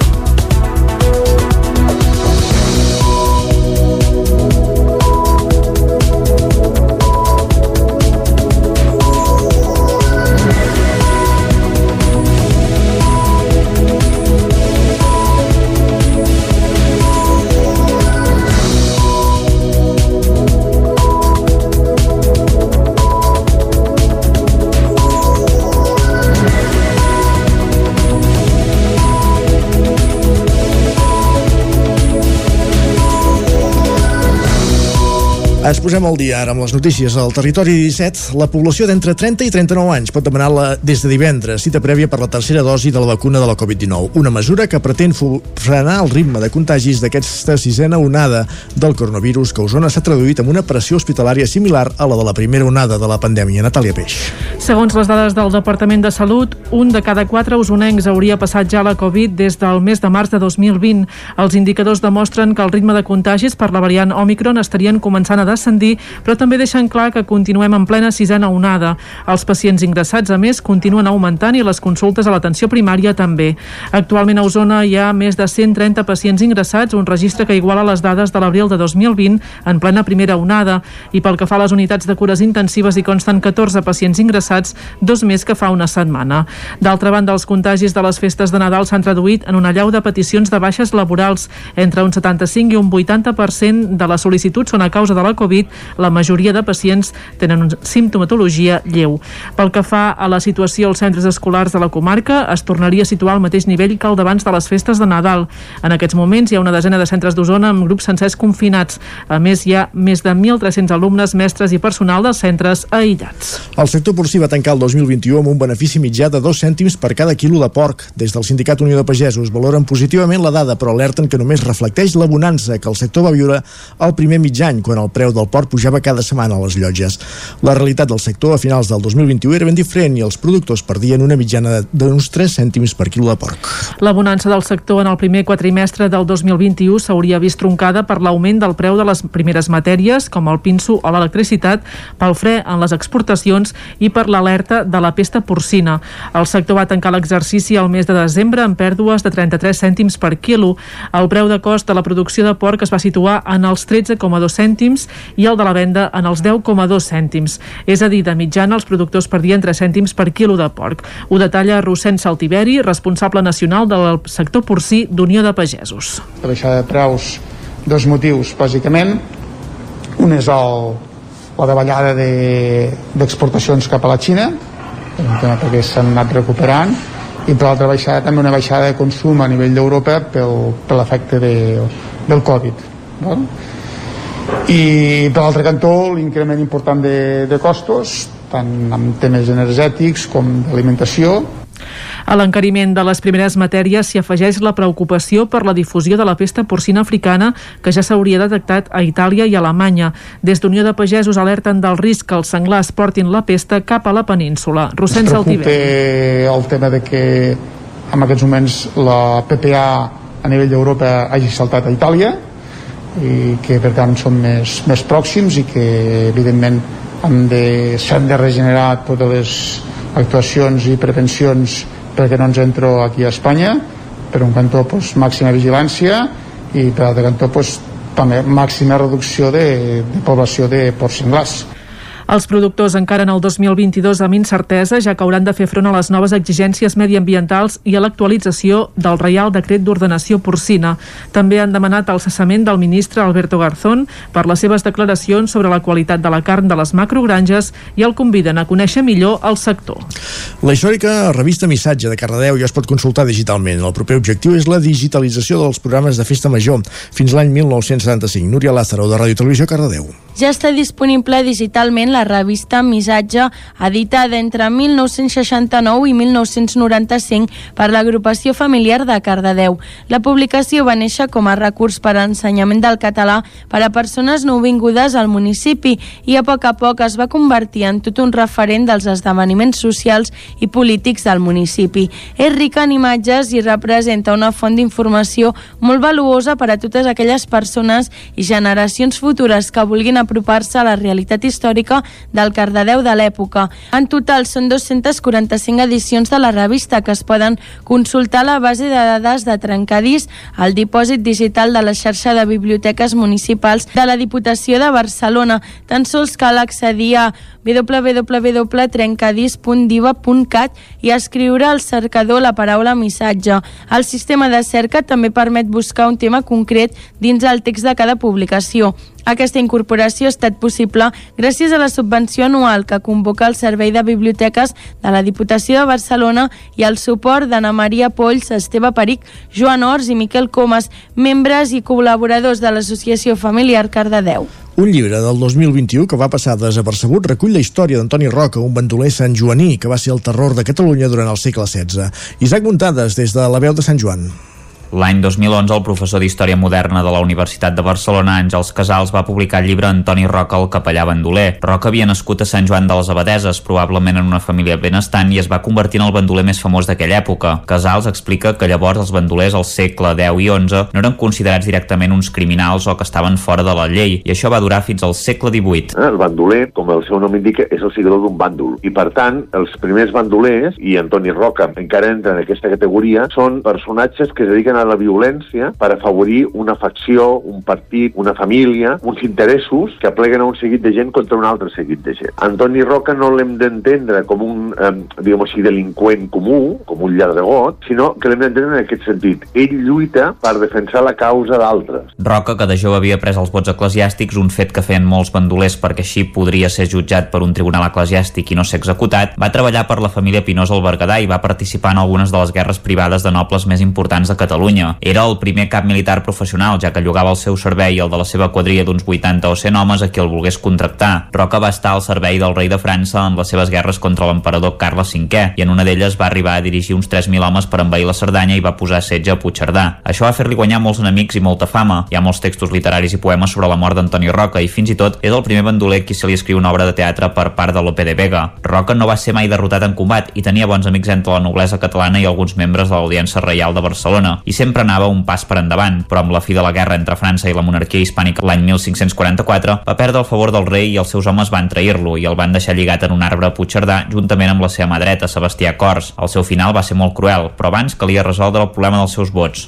I a Barcelona el jutgen, però al mateix temps que el jutgen es fa una cerimònia que jo no tinc notícia que es fes en cap altre bandoler, que és un acte públic, diguem-ho així, eliminació dels seus vots eclesiàstics. És a dir, es fa un acte, va ser el rei, on el bisbe de Girona, que és el, el cap dels tribunals eclesiàstics de Catalunya, li esquinça les vestidures, el renta amb aigua per treure-li eh, eh, la consagració dels solis, etc. i per tant el torna a l'estatut laic perquè aquesta és la manera que el puguin matar. I llavors és executat públicament. El bandoler conegut com l'escandalitzador de Catalunya per estar perseguit per mig país va ser executat públicament el 26 de juny de 1546 com a traïdor a la corona i per bandolerisme. El van passejar per la ciutat, el van torturar, el van decapitar, el van esquarterar i van repartir els seus membres per Barcelona. Gràcies, Isaac. Acabem aquí aquest bloc informatiu. Dos minuts perquè sigui un quart de dotze, anem als solidaris.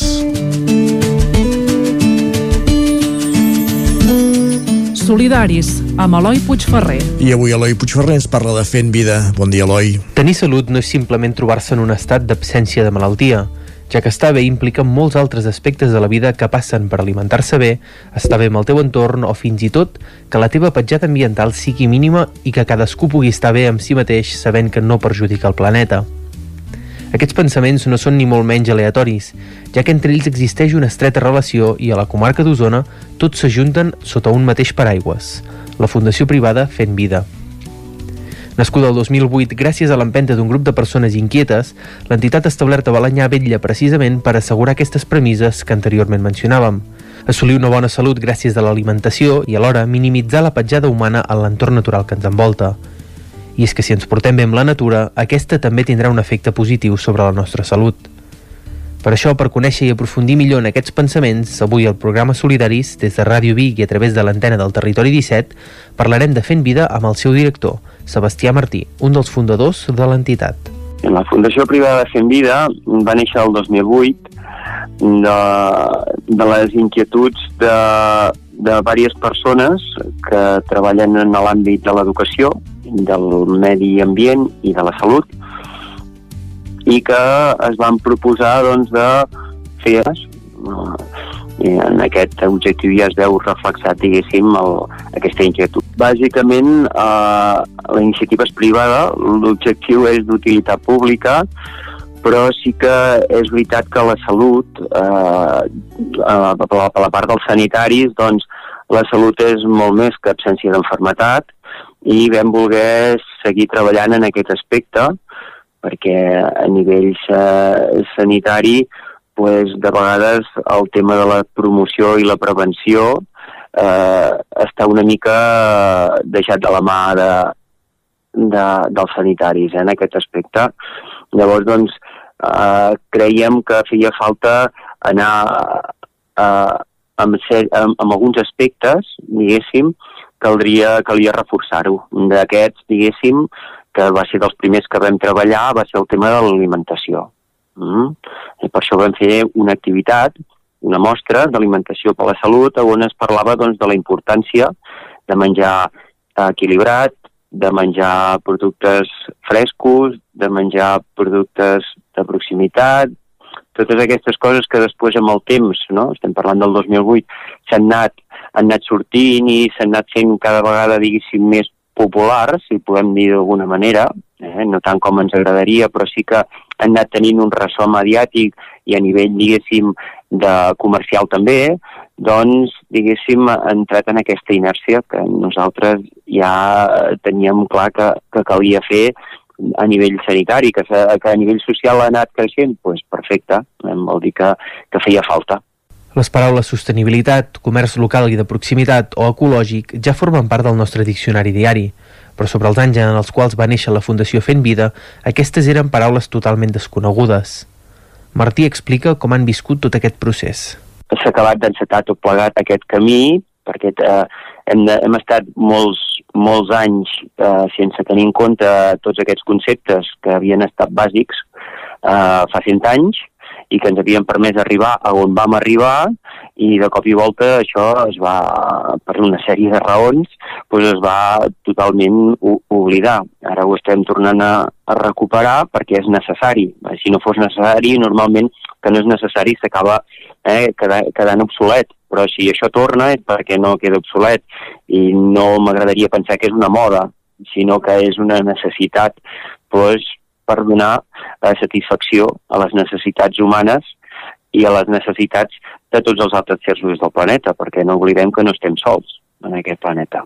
Llavors, eh, a, a partir, a partir d'aquí, doncs, doncs ja veurem, aviam què passa, estaria bé. D'entrada, nosaltres eh, ens vam trobar bastant sols, eh, si s'ha de dir, tot s'ha de dir, i bastant, diguéssim, eh, picant pedra. Després de gairebé 15 anys picant pedra, però la Fundació Fent Vida ha anat agafant més i més volada i actualment ja organitza amb certa regularitat algunes activitats centrades sobretot en conscienciar els més joves. Ara mateix eh, tenim unes activitats ja consolidades, que diguéssim que és el, la mostra aquesta que us he comentat, que es diu Teca Sana, que ja anàvem per la sisena, a la sisena edició fins que va arribar el tema del Covid, llavors per precaució ho, ho vam parar i segurament que aquest any ho tornarem a arrencar.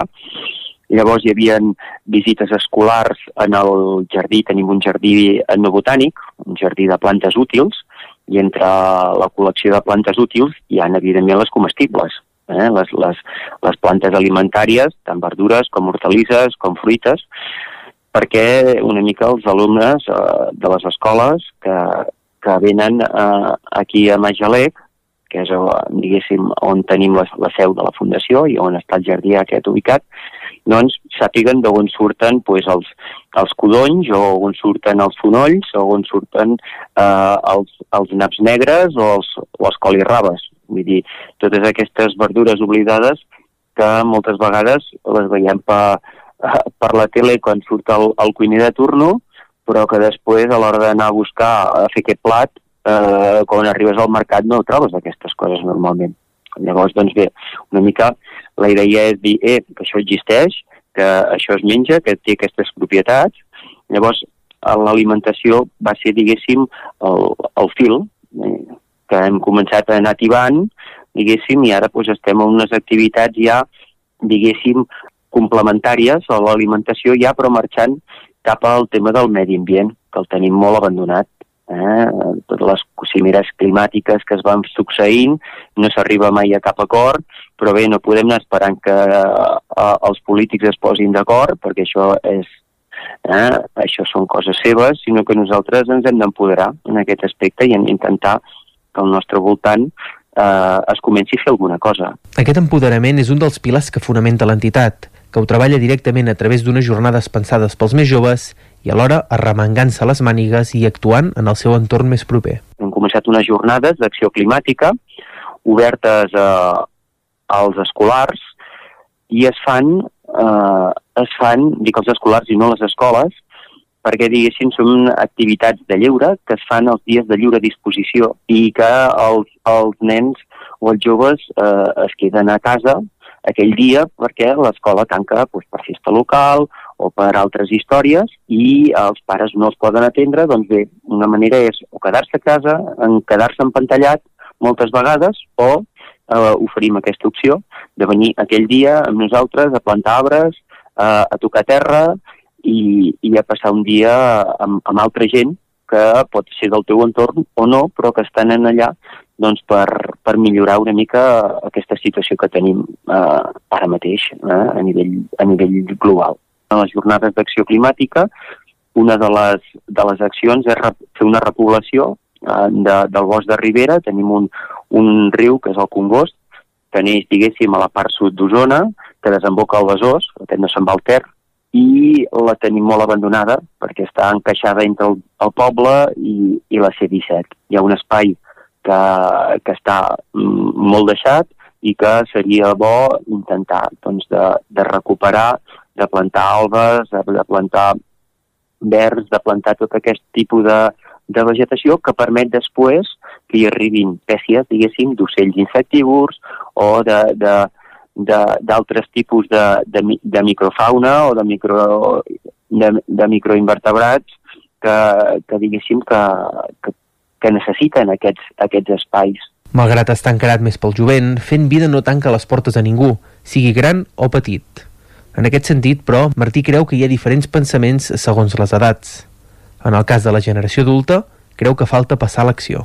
Generacionalment, la gent adulta és conscient o, o sap, més, més que conscient, sap d'aquests problemes, perquè els veu cada dia per la tele o per els medis de comunicació o el que sigui, però no hi fa res, vale? o poca gent hi fa. Sí, es fa, hi ha gent que fa, evidentment, però el gran, el gran diguéssim, la gran majoria de la gent doncs no és conscient a l'hora de, per exemple, d'agafar el, el, el transport públic, eh, els hàbits aquests, eh, que són hàbits de salut, ja no són hàbits de vida, sinó són hàbits de salut.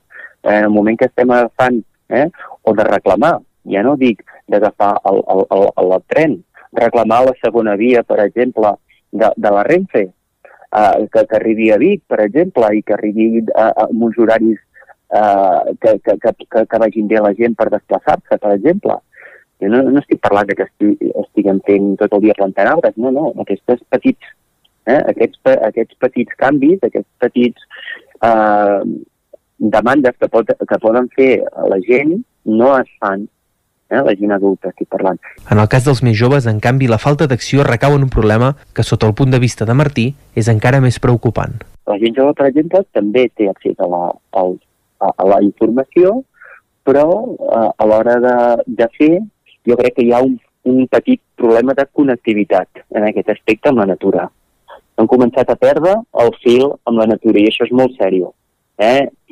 O sigui, eh, hi ha una franja d'edat de 36, de, de 40 en amunt, posem, per fer un tall, eh? a grosso modo, que eh, han tingut alguna vegada relació amb la natura, però de 40 en avall cada vegada n'han tingut menys de petit. Eh? Quan dic connexió amb la natura, de, de petit, de, de fer-se una cabanya, d'haver... Vull dir, el, la connectivitat més directa eh, que tenen eh, una gran part de, dels, dels joves i dels infants és una mascota, amb tot mm, no és que hi tingui, no és que hi tingui res en contra, però tampoc és, una, és, una, és un tema, diguéssim, molt reduït. Eh? La natura és molt més que tenir un animal a, a, a casa. Eh? Llavors, potser millor això que res, sí, però que hem de tenir en compte que, que, que, que som més, som més, som, diguéssim, som més comans i mascotes, sinó que hi ha una sèrie de, de seres vius que hi hem viscut molt abans que hi fóssim nosaltres i, una, i, i, que, i que precisament si nosaltres vam sortir va ser arrel que ells també hi són, també hi eren. Eh? Vull dir que és una, ja ho hem dit, és una cadena i és una espiral eh? I, i, cal, i cal, diguéssim, mantenir, mantenir això perquè eh, ja hem vist eh, a nivell de doncs, a nivell d'Amazones, a nivell d'altres catàstrofes ecològiques, que quan, quan es trenca l'equilibri doncs, tots en, en sortim perdent. En aquest sentit, però, Martí és optimista i creu que si alguna cosa bona pot deixar la Covid-19 serà que la població estarà una mica més conscienciada. Jo crec que hem de ser positius sempre eh, i el Covid eh, eh, ara mateix eh, és el plat del dia a tot arreu.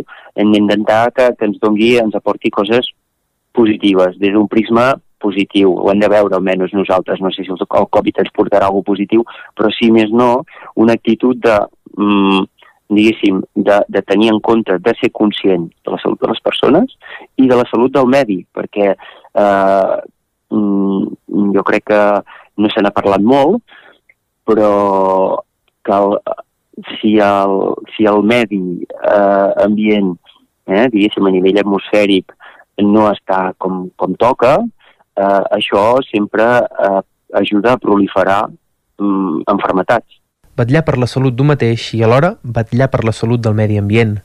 Les cimeres mundials ja van en aquest camí, així com també sembla que ho comença a fer la població, però encara queda molt camí per recórrer.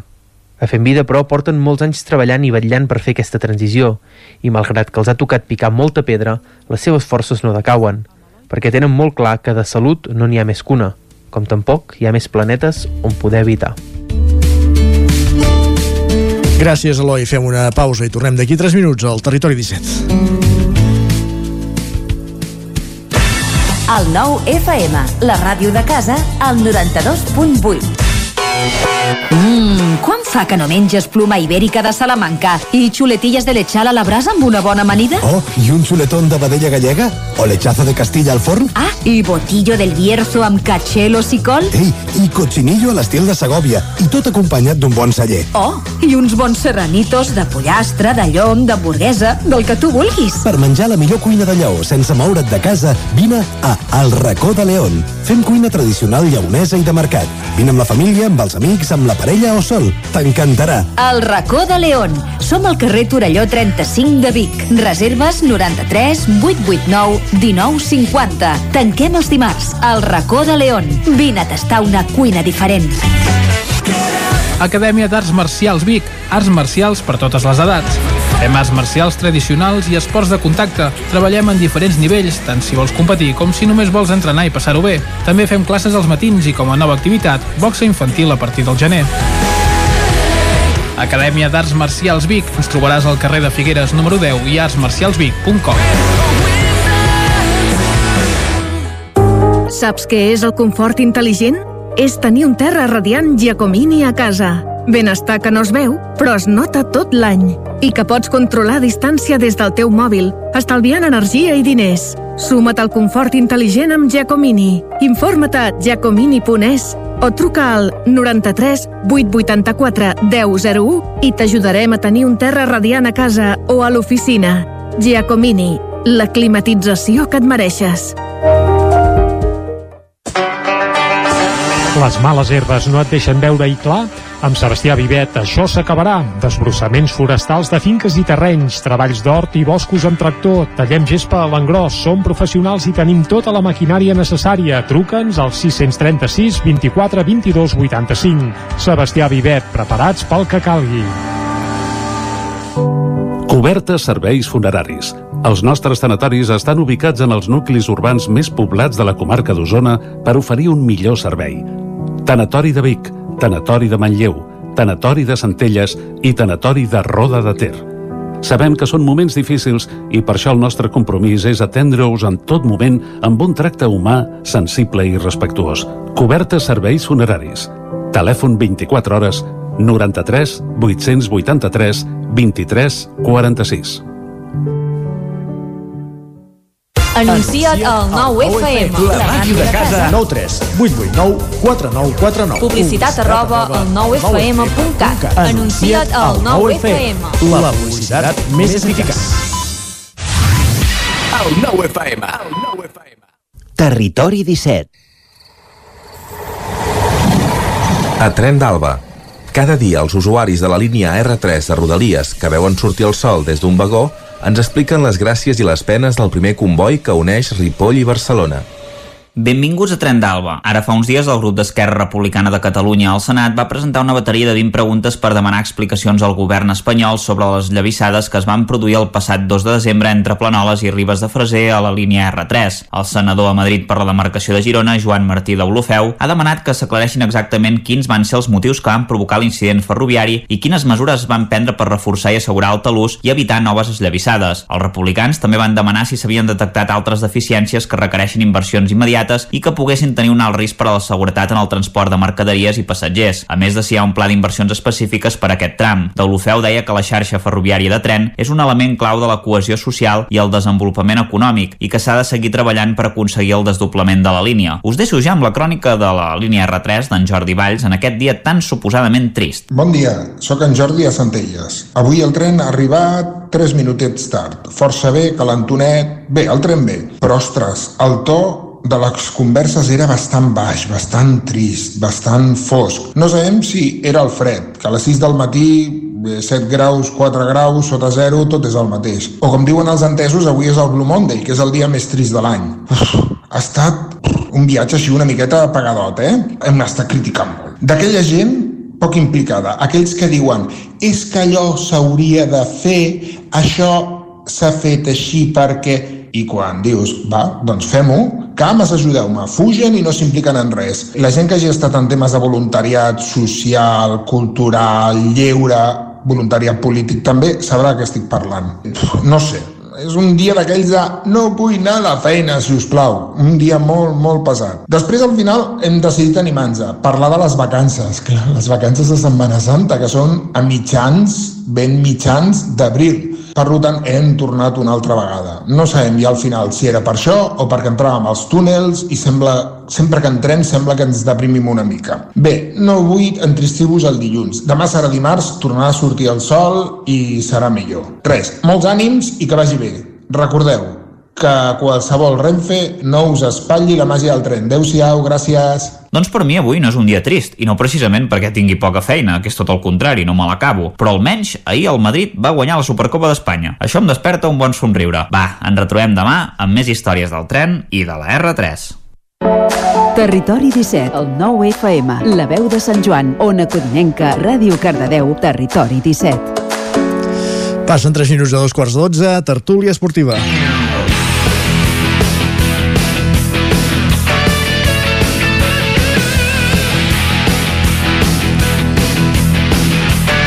I avui a la tertúlia esportiva ens hi acompanyen Agustí Danés, Guillem Sánchez, Lluís de Planell, Isaac Muntades, feliç com un anís. Avui no és un dia trist. Bon dia, Isaac.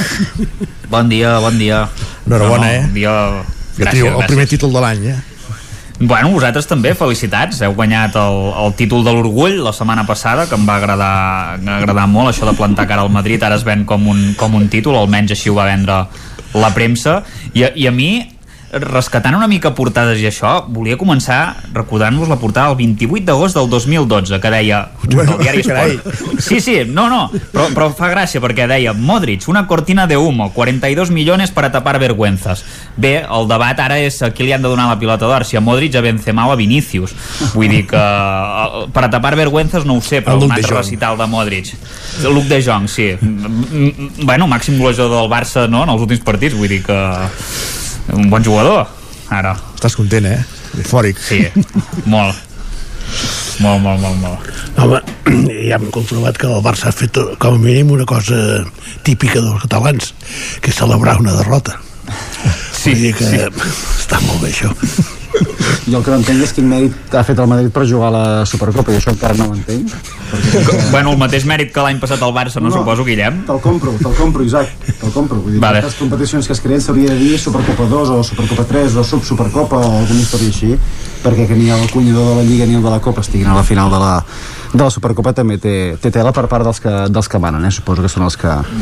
Bueno, els que però- 40 milions. Correcte. correcte. Això ha passat les tres, això ha passat les tres edicions, eh? De moment no hi ha Sí, sí, cap sí. edició que les finals les hagin jugat el campió de Copa i el de Lliga, però en el seu moment, que jo també vaig dir-ho, que em semblava estrany, però s'ha fet com aquesta, aquest format de, de Final Four i s'ha d'acceptar i tothom sap les regles, tothom sap qui anirà ara No, i aniran els... Sabem, sabem, sabem les, les normes de les, de les que s'han jugat de, de l'any que venen no en tenim ni, ni idea perquè potser també... Home, sí, anirà, anirà el campió de Lliga, el segon classificat de la Lliga, el campió de Copa i el subcampió de, de Copa. I en el cas que algun d'aquells coincideix i va al tercer uh, de la Lliga, vull dir, eh, són, la, la, les regles són, són aquestes, en principi aniran No, no, sempre sí. els mateixos. El, Si no- si el no- Madrid ja us avanço que hi serà.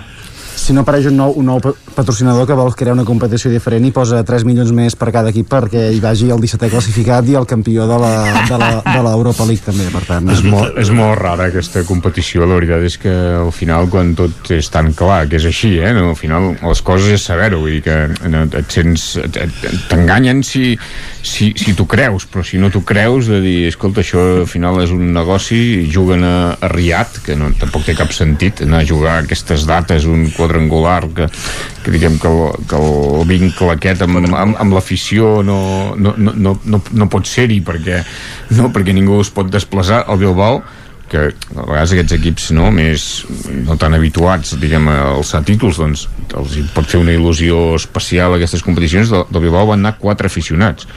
Un matrimoni i un, i un pare i un fill. Quatre clar, això eh, no, té, no té cap sentit no? però perquè és clar perquè aquesta competició no es fa per, per l'afició es fa perquè la gent s'ho miri per la tele per cobrar dòlars no? i, i ja com, va, com, que llavors com tot el futbol avui No, dia però- es fa per la tele eh? Sí, però, però, bueno, però encara, encara això és, és el, aquest debat és molt interessant, perquè aquest és el debat de la Superliga, també. És el debat de la Superliga, de dir el futbol de qui és de qui és.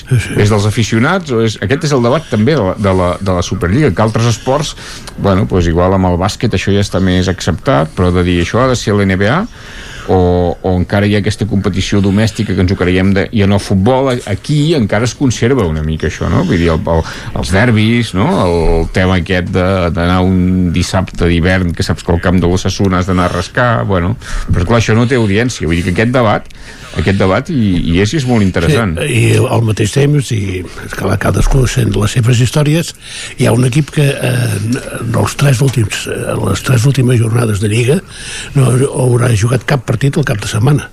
Haurà jugat el divendres o el dilluns. I ho dic per mi, pels pericos. Vull dir que, esclar, primer juguem el dilluns, després eh, juguem el di dimarts, demà, eh, la jornada intersetmanal, bé, ja ho entenc una mica. Ho entenc només una mica, eh, perquè el dijous llavors hi ha Copa del Rei, que juga el Barça i el, i el, i el Madrid. Bé, vull dir que el desgavell és gran. Sí. Però llavors tornem a jugar divendres contra el Betis a Cornellà i l'altre divendres, al cap de 15 dies, em penso que no hi ha competició l'altra setmana, juguem a, Sant Mamés eh, un divendres també. És un show al calendari i ara, a més a més, complicat pel, pel, segurament pel tema Covid, per si a més a més doncs, s'ha d'ajornar algun partit o s'ha de... O sigui, vull dir que la veritat és que això és, és, molt, és, és molt desgavell, però, però també encaixa amb aquesta situació d'excepcionalitat permanent que vivim des de fa dos anys, no? Vull dir que és que els calendaris van com van, es fa com es pot i, bueno, i aquesta competició es havia de jugar i està, Jo- això jo passa dir- sempre. Jo diria que el, el Covid en aquest cas influeix molt menys que en altres esports. A primera divisió no s'ha suspès Sí, cap no partit cap fins ara. partit, no, és veritat. Si ara no s'ha fet aquestes setmanes que hi havia equips amb 10, 15, 17 casos i, i entre gent dels filials i, i això no s'ha no suspès I, res. I gent que en 3 o 4 dies ja torna a jugar perquè ara avui té Covid i demà passat no perquè li fan i llavors no, no, no, no ho tinc clar això eh? no En, en altres lligues sí que s'han suspès, aquí és veritat que no, però vull dir que en tot cas interfereix perquè sí que, sí que potser no en el calendari, però sí en el, això, en els jugadors disponibles que, sí, sí. que, que acabes tenint i per tant a vegades tenir segons qui o no tenir-lo a l'hora d'afrontar un partit doncs canvi, canvia molt Bueno, no? en el cas de la Lliga, llavors potser encara et dona més valor aquella expressió de la competició de la regularitat, de dir, no dependre ja només d'un partit d'una setmana o de 10 dies de Covid que pugui tenir els teus, sinó d'intentar ser el més regular durant tota la competició, amb la, amb la gent que tinguis, que al cap i a la fi, evidentment que amb, un, amb els equips en juguen 11, amb els equips eh, n'hi ha 15 que són més o menys habituals, però potser ara s'està convertint en molt important tenir el 17 SA, el 18 SA i el 18 que et puja del filial que sigui un bon jugador també, eh? Per tant, de totes maneres eh, també tenim una mica de sort en el sentit de que sort dels modestos vull dir, eh? en el sentit de que el Barça no és el Barça que era evidentment, el Madrid eh, tampoc és l'equip que s'imposa tot i que va així guanyar ahir no, no és tan superior als altres i l'Atlètic de Madrid també té molts problemes de manera que Sí, el Madrid té molts punts respecte al Barça, que és la, la gran referència, però bé, té el Sevilla molt a prop. Vull dir que la competició està força més igualada, tot i que, en, en teoria, eh, tenint més plantilla i més bona, eh, tens més opcions d'estar eh, al capdamunt perquè eh, tens baixes puntuals per, per, per Covid. Però el tema aquest de, de, la, de la igualtat, que és veritat, ja ho hem discutit alguna altra vegada, poder al final la tristesa de l'anàlisi és que és més igualat perquè baixa el nivell, no? Vull dir que, que no és perquè... Vull dir que feia uns anys, sí, era, hi havia aquesta diferència tan gran, no?, de les lligues dels 100 punts, però hi havia dos equips que, que sempre ratllaven l'excel·lència. Ara la veritat és que... I, I això ho veus llavors quan a Europa, no?, que... costa, costa, costa horrors. Que qualsevol et pinta la cara, no? Vull dir que el, el nivell és discret de, de tot. I llavors en competicions com aquest cap de setmana que són així extravagants clar, i acaba donant valor qui la guanya només, no? Vull dir que això passa sempre Ah, no, si arribeu a guanyar els golets en aquests moments I, i, seria la ja sabia competició més important. que... Sí, jo ja sabia eh, que es desprestigiaria, vull dir, jo també ho vaig dir, que que, que si la guanyaven bé si no no passava res, que el Barça era un equip molt perillós, que no s'havia de, de subestimar i, i ho vaig, i ho vaig dir abans de, del partit amb el nostre company eh, Guillem Freixa que avui deu tenir madriditis, m'imagino i, i, i bé eh, si l'hagués guanyat el Barça com, com va passar l'any passat, que el Barça va fer una temporada molt fluixa, va guanyar la Copa del Rei eh, diguem, fent un bon partit només a, a la final, la resta va passar en pena ni glòria Però ja són més partits i... que no pas dos, Isaac, eh? Ja són més partits, eh? Ja Sí, però amb qui, jugava, amb qui va jugar a la Copa del Rei el, Sí. el Barça? Anem, El- anem, anem a repassar els el- rivals del Barça. Eh? El Linares, Granades, el, eh, el Collano, que no sé què us va passar també l'any passat, vull dir que clar... No, no, l'any l'any passat, em- clar, veu, veu jugar contra equips que eren uh, molt, molt dèbils. El Madrid va Podem parlar jugar... d'alguna Champions al Madrid també. eh? El Però vaja. Todopoderoso Galatasaray i... Sí, home, sí, sí, ja... Uh, uh, bueno, jo, jo, si voleu, el pròxim dia us portaré els equips que ha eliminat el Madrid a la Champions que ha guanyat i parlem de quins uh, equips eren més forts i més fluix, però ja us dic jo que cada any més o menys eliminàvem el Bayern, el PSG, el Manchester City, vull dir, no sé si vosaltres els heu eliminat aquests equips, em sembla que no, perquè sí, però no hi havia els bar, últims no hi havia 6-7 bar, anys... no hi havia bar. Aquesta és la meva No hi- teoria. no hi- No hi havia bar. no hi havia bar. Aquesta No, és la meva teoria, que hi ha, hi ha, un clar, abans, sí. hi ha un abans i un després. I, i amb el Sí, bar, el Madrid tardarà molts anys a guanyar la, la Champions, Sí. perquè tot, tot, tot, totes aquelles eliminatòries amb bar no, Mare no, Déu. no es passaven. Això és així. Mare de Déu. Des que hi ha bar no l'han guanyada. Des que hi ha bar no l'ha guanyada el Madrid. Mare de Déu, com, com, Bar- com s'ha desprestigiat tot això. En Bar no ha guanyat la final, em penso la, la de Roma, perquè no eliminava el Paris Saint-Germain. Aquella, No, aquella, aquella, oh, no, no, no, no, no, no, no, aquell any, aquell any ja no, no van pas guanyar. El El Barça. Barça, l'última és la de Berlín el 2015. No? El, el PSG llavors quedem eliminats amb la, amb la Juventus, Amb la Juve, sembla, sí, sí. Bé, però vull dir que... Amb la Juve un any, després amb la Roma, després Ah, amb el no, Liverpool. no, Amb el Liverpool, el Bayern... No, volia, volia dir el camp del Chelsea. Amb, amb el, Ah, sí, amb- sí, amb- oita, oita, oita al bar. Sí. Però això és un mite important, aquest mite no ens el podeu tocar, que si no malament, Sí. aquest mite mal. No, no, home, l'iniestazo no, no es produeix. Evidentment que no es produeix en aquell moment. Bueno, era, era, Lluís, era el 4-1, era el gol de l'honor. Ah, això sí, bé. Llavors, queda maco i gol de tot. l'honor. Va haver-hi 3 o 4 penals eh, que estafats. Ai, clarament. i, i haurien torna, tor, tornat a celebrar una derrota, com en aquest cas. Exacte. Madrid tardarà molts anys a guanyar la Champions, molts anys, molts. Aquesta frase de l'Agustí la, guarda, la guardarem i com, i com guanyem la Champions aquest Sí, any perquè si tres portades de fa 9 anys, eh, imagina't amb unes declaracions d'aquests dies que també es poden, es poden guardar el temps que faci falta. això, això dels àrbits és que no podem anar enrere però Sí. sí. és que no els equips eh, però, però hi ha coses jo el, el sumum, i ara no obrirem pas perquè ara això és, és una anècdota extemporània total però hi ha un partit de la Copa de la UEFA del Madrid amb el Rijeka que un àrbit belga que es deia Roger Shooters em sembla. Anaven, anaven empatats, empatats, empatats i eh, empatats, empatats, empatats i no, i no passava, no passava el Madrid. de la UEFA, eh, dic, un partit de la UEFA. I va acabar, va acabar decantant el, el, el partit l'expulsió d'un jugador visitant, perquè aquest partit era el Bernabéu, que el van expulsar per protestar i resulta que era mut. Clar, això és ja... això, això, eh? a, això, és, això ja és insuperable. Clar, això es va saber després. Però, aquest, però si aquest era mut. Com, com, pots protestar sense ser- Com, com, podia, mut, eh? com podia protestar, no? I no sé Fent- què va dir. Que, no, però no sé què va dir que li havia dit i tal. De totes maneres, tots en tenim. Això, això, això és l'exponent ja màxim. Li va llegir els llavis, poder va, sent mut, sor- sordomut, pots, pots arribar a pronunciar. Que no recordo era el nom del, del jugador, però l'Isaac igual, ho pot, igual ho pot trobar això. L'àrbit es deia, era belga, es deia Shooters, i el rival era el Rijeka, i era un partit al Bernabéu que havien de remuntar, no el remuntaven, i llavors això va ser el desencadenant que, que, el, que el poguessin remuntar. De, de, vam- de, de totes maneres, tots en tenim, perquè nosaltres no vam jugar un any a la Champions, perquè l'Iturralde González ens va anul·lar un gol a l'últim minut al camp de la Sassuna, gol que després el mateix Iturralde va dir que s'havia equivocat, perquè era un fora de joc inexistent, que amb el VAR doncs, hauríem, hauríem participat. A... Damir Desnica. Damir Desnica, el Sí. jugador, exactament, el jugador... Any, any 84. Imagina't. per perdre temps i la segona per protestar. Correcte. Bueno, eh, devia protestar fent gestos o, o ja et dic, li van llegir els llavis. Tot, tot, tot és possible en el Bernabéu. És una bona frase aquesta, Isaac, és una bona frase. Uh, més qüestions. Uh, Copa del Rei. Lluís, què ha passat amb el Mallorca? No, no, no ha passat amb el Mallorca, ha passat amb l'Espanyol. Que...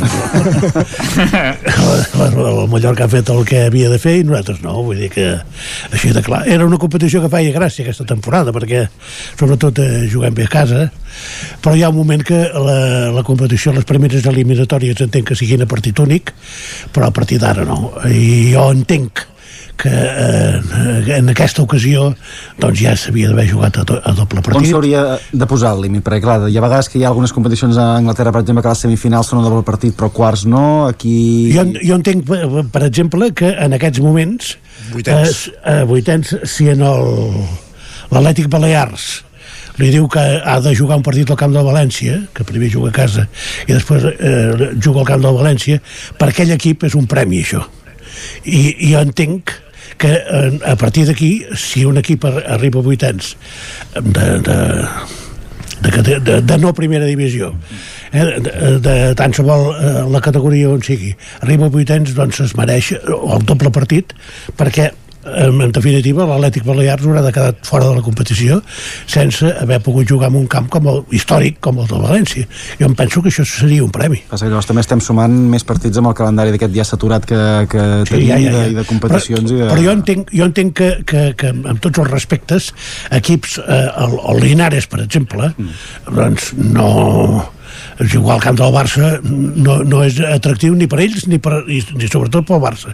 Però hi ha un moment que si, a, vuitè, a partir de vuitens doncs jo entenc que eh, quan l'eliminatòria és pura com va ser en aquest cas excepte pel l'Ètic Balears i pel Girona perquè eren de, de categoria inferior o sigui nosaltres vam jugar al camp del Mallorca perquè primer va sortir la bola del Mallorca perquè si no juguem a, a Cornellà i en aquests moments eh, el 2 a 1 seria el mateix però hi hem jugat, guanyat nosaltres en lloc d'ells Jo tinc una teoria, Lluís, amb això que haurien de, de fer. S'hauria de posar, en cas de la que fos la mateixa categoria primera divisió, s'hauria de jugar al camp de, de l'equip que vagi pitjor classificat de la primera divisió. Com a mínim, tu deies ara que es podia jugar a vuitens a doble partit. Eh? Jo, jo potser ho ficaria a quarts. A quarts a doble partit ho veuria més, més bé ja, eh? perquè també són molts partits i, i, i potser, bueno, semifinals em queda poc, doncs fer un punt intermig, però potser seria jugar a l'equip de, que estigui pitjor classificat, no ho sé, eh? seria, seria una idea que, que evidentment no és així, eh? és el que tu dius, eh? va, vau jugar al camp de Mallorca perquè mira, va sortir primer la bola al Mallorca. Sí, però jo, jo,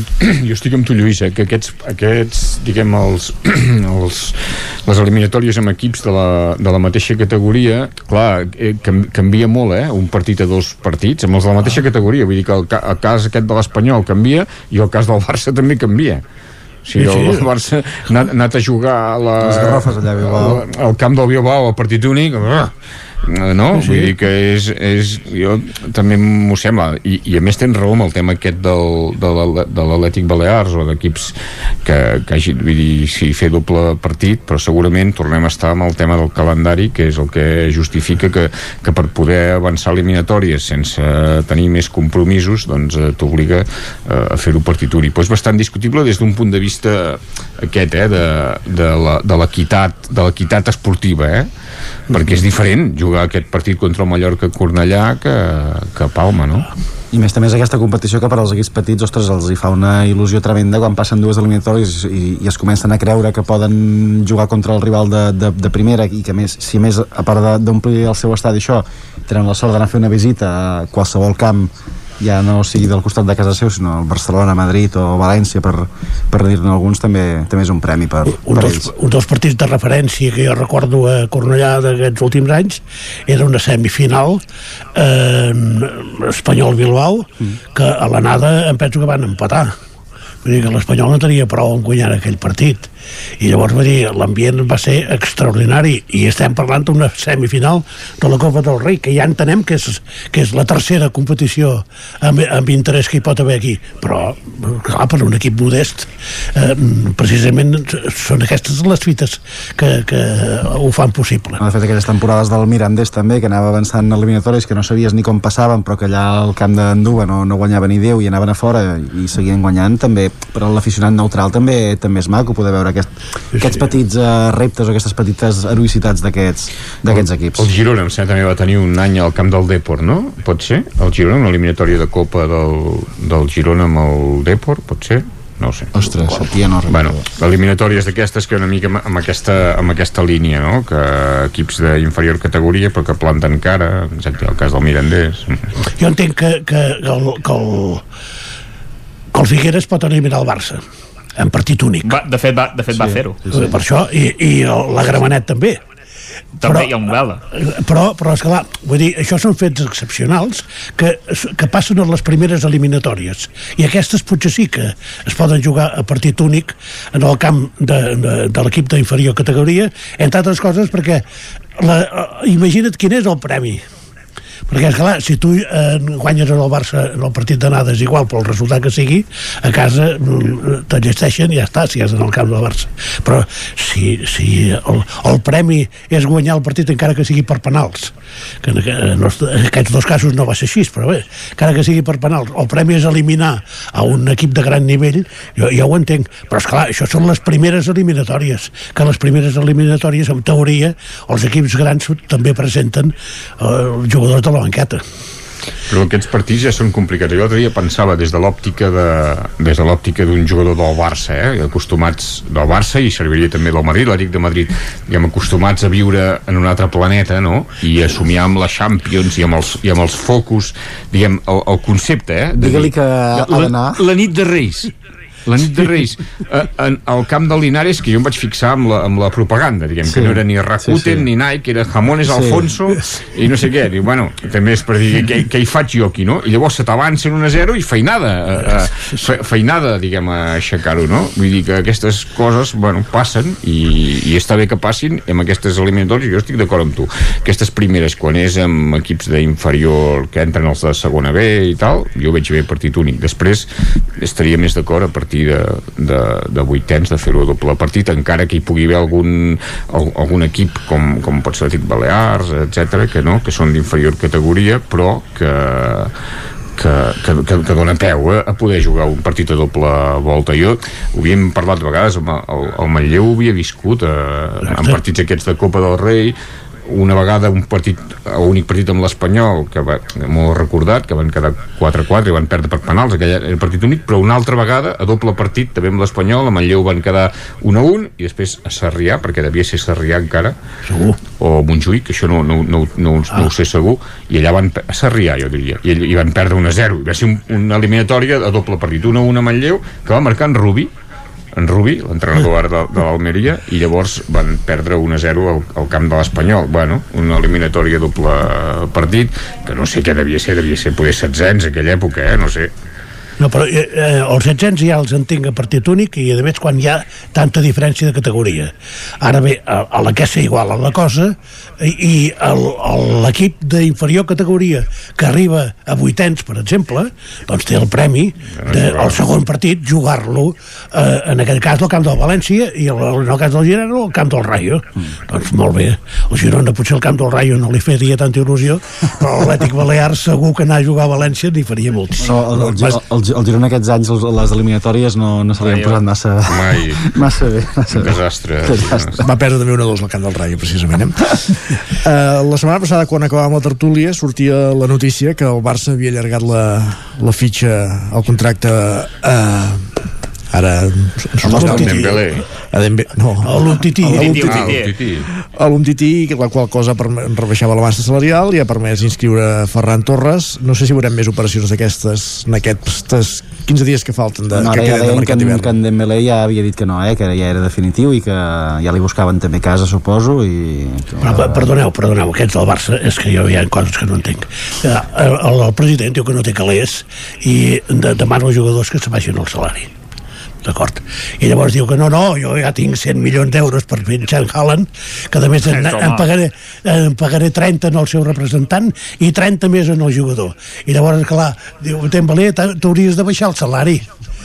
Això com, com, com respondríeu I el vosaltres? Dembélé que no és tonto li diu nanai del Paraguai i aquí em quedaré si, i si no m'envies a la grada Sí, doncs, doncs, doncs s'haurà d'acabar així. En Dembélé, que, que, aquesta, que aquesta temporada ha fet un, gol, no?, amb el que va de No és temporada. culpa d'en Dembélé, això? No, eh, no, o sigui, les, les, les, les, la realitat ara és diferent. Les condicions han canviat i els jugadors s'han de mullar amb aquesta nova realitat que hi ha i en Dembélé, si li proposen aquesta l'extensió del contracte rebaixant-li el salari i no li està bé això, doncs eh, s'haurà de quedar a la graderia fins al juny, que a ell li serà igual, sí. jo crec que és una operació nefasta del Barça, perquè és un jugador caríssim i que hagués renovant-lo, el fet de renovar-lo era poder-lo traspassar, no? Al final és poder-lo traspassar. De fet, venia I... dels, dels, dels calés del fitxatge del Neymar, no? Del Neymar, sí, sí. Que, vull dir que, molt, que malament, però que aquestes situacions, quan arribes en aquest punt, vull dir, aquí el que li sortirà bé serà amb ell, perquè ell marxarà amb un, amb un club en prima de fitxatge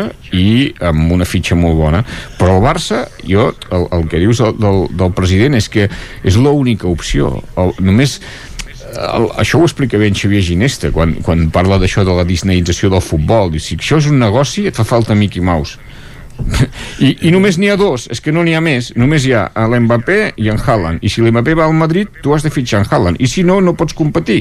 I ja està, ja està. I, si van els dos al Madrid? I, i, no, impossible, impossible. no, no, no, no, no, no pots competir, no, no. però no des d'un punt de vista esportiu, des d'un punt de vista d'engegar de, la roda aquesta de, del cercle virtuós que en deien abans, ara no sé com se'n diu, no? dels ingressos, de generar ingressos per tenir els millors, perquè generis més ingressos per poder-los pagar molt, vull dir, al final... I si al final no pots pagar, què passa? Doncs arriba no. un punt que et baixes el salari i tornes a començar però de zero, sí que, però aquest, i per construir el Barça ara, que no és eh, al final fan de la necessitat virtut vull dir que la falta de, de diners ha fet que ara hagin hagut de pujar que no tots serviran, però n'hi ha un grup que sembla bastant clar que sí que serviran d'aquests joves, i que però llavors necessites necessites un, un, un, una cara visible. Sí, sobre, necessites Mickey Mouse per, per, per muntar l'equip a l'entorn d'això, perquè si no no funciona. I no n'hi ha, és que només hi ha aquests dos no n'hi ha més. No, i amb tot si el no... carinyo no fas una campanya de màrqueting amb una foto d'en Nico vull dir, doncs això, una foto d'en Haaland. Doncs, això, és, doncs és això. I al final aquí hi ha aquests tres nivells que diem que amb els de la Lliga Àrab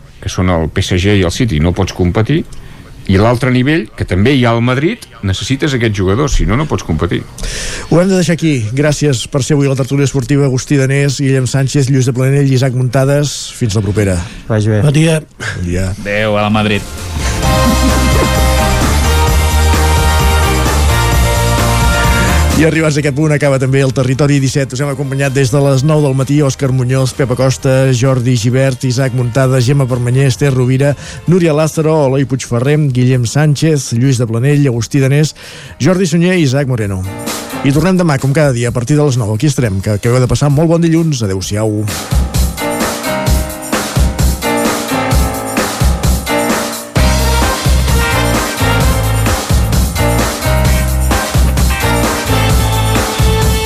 Territori 17, un magazín del nou FM. La veu de Sant Joan, Ona Codinenca i Ràdio Cardedeu amb el suport de la xarxa.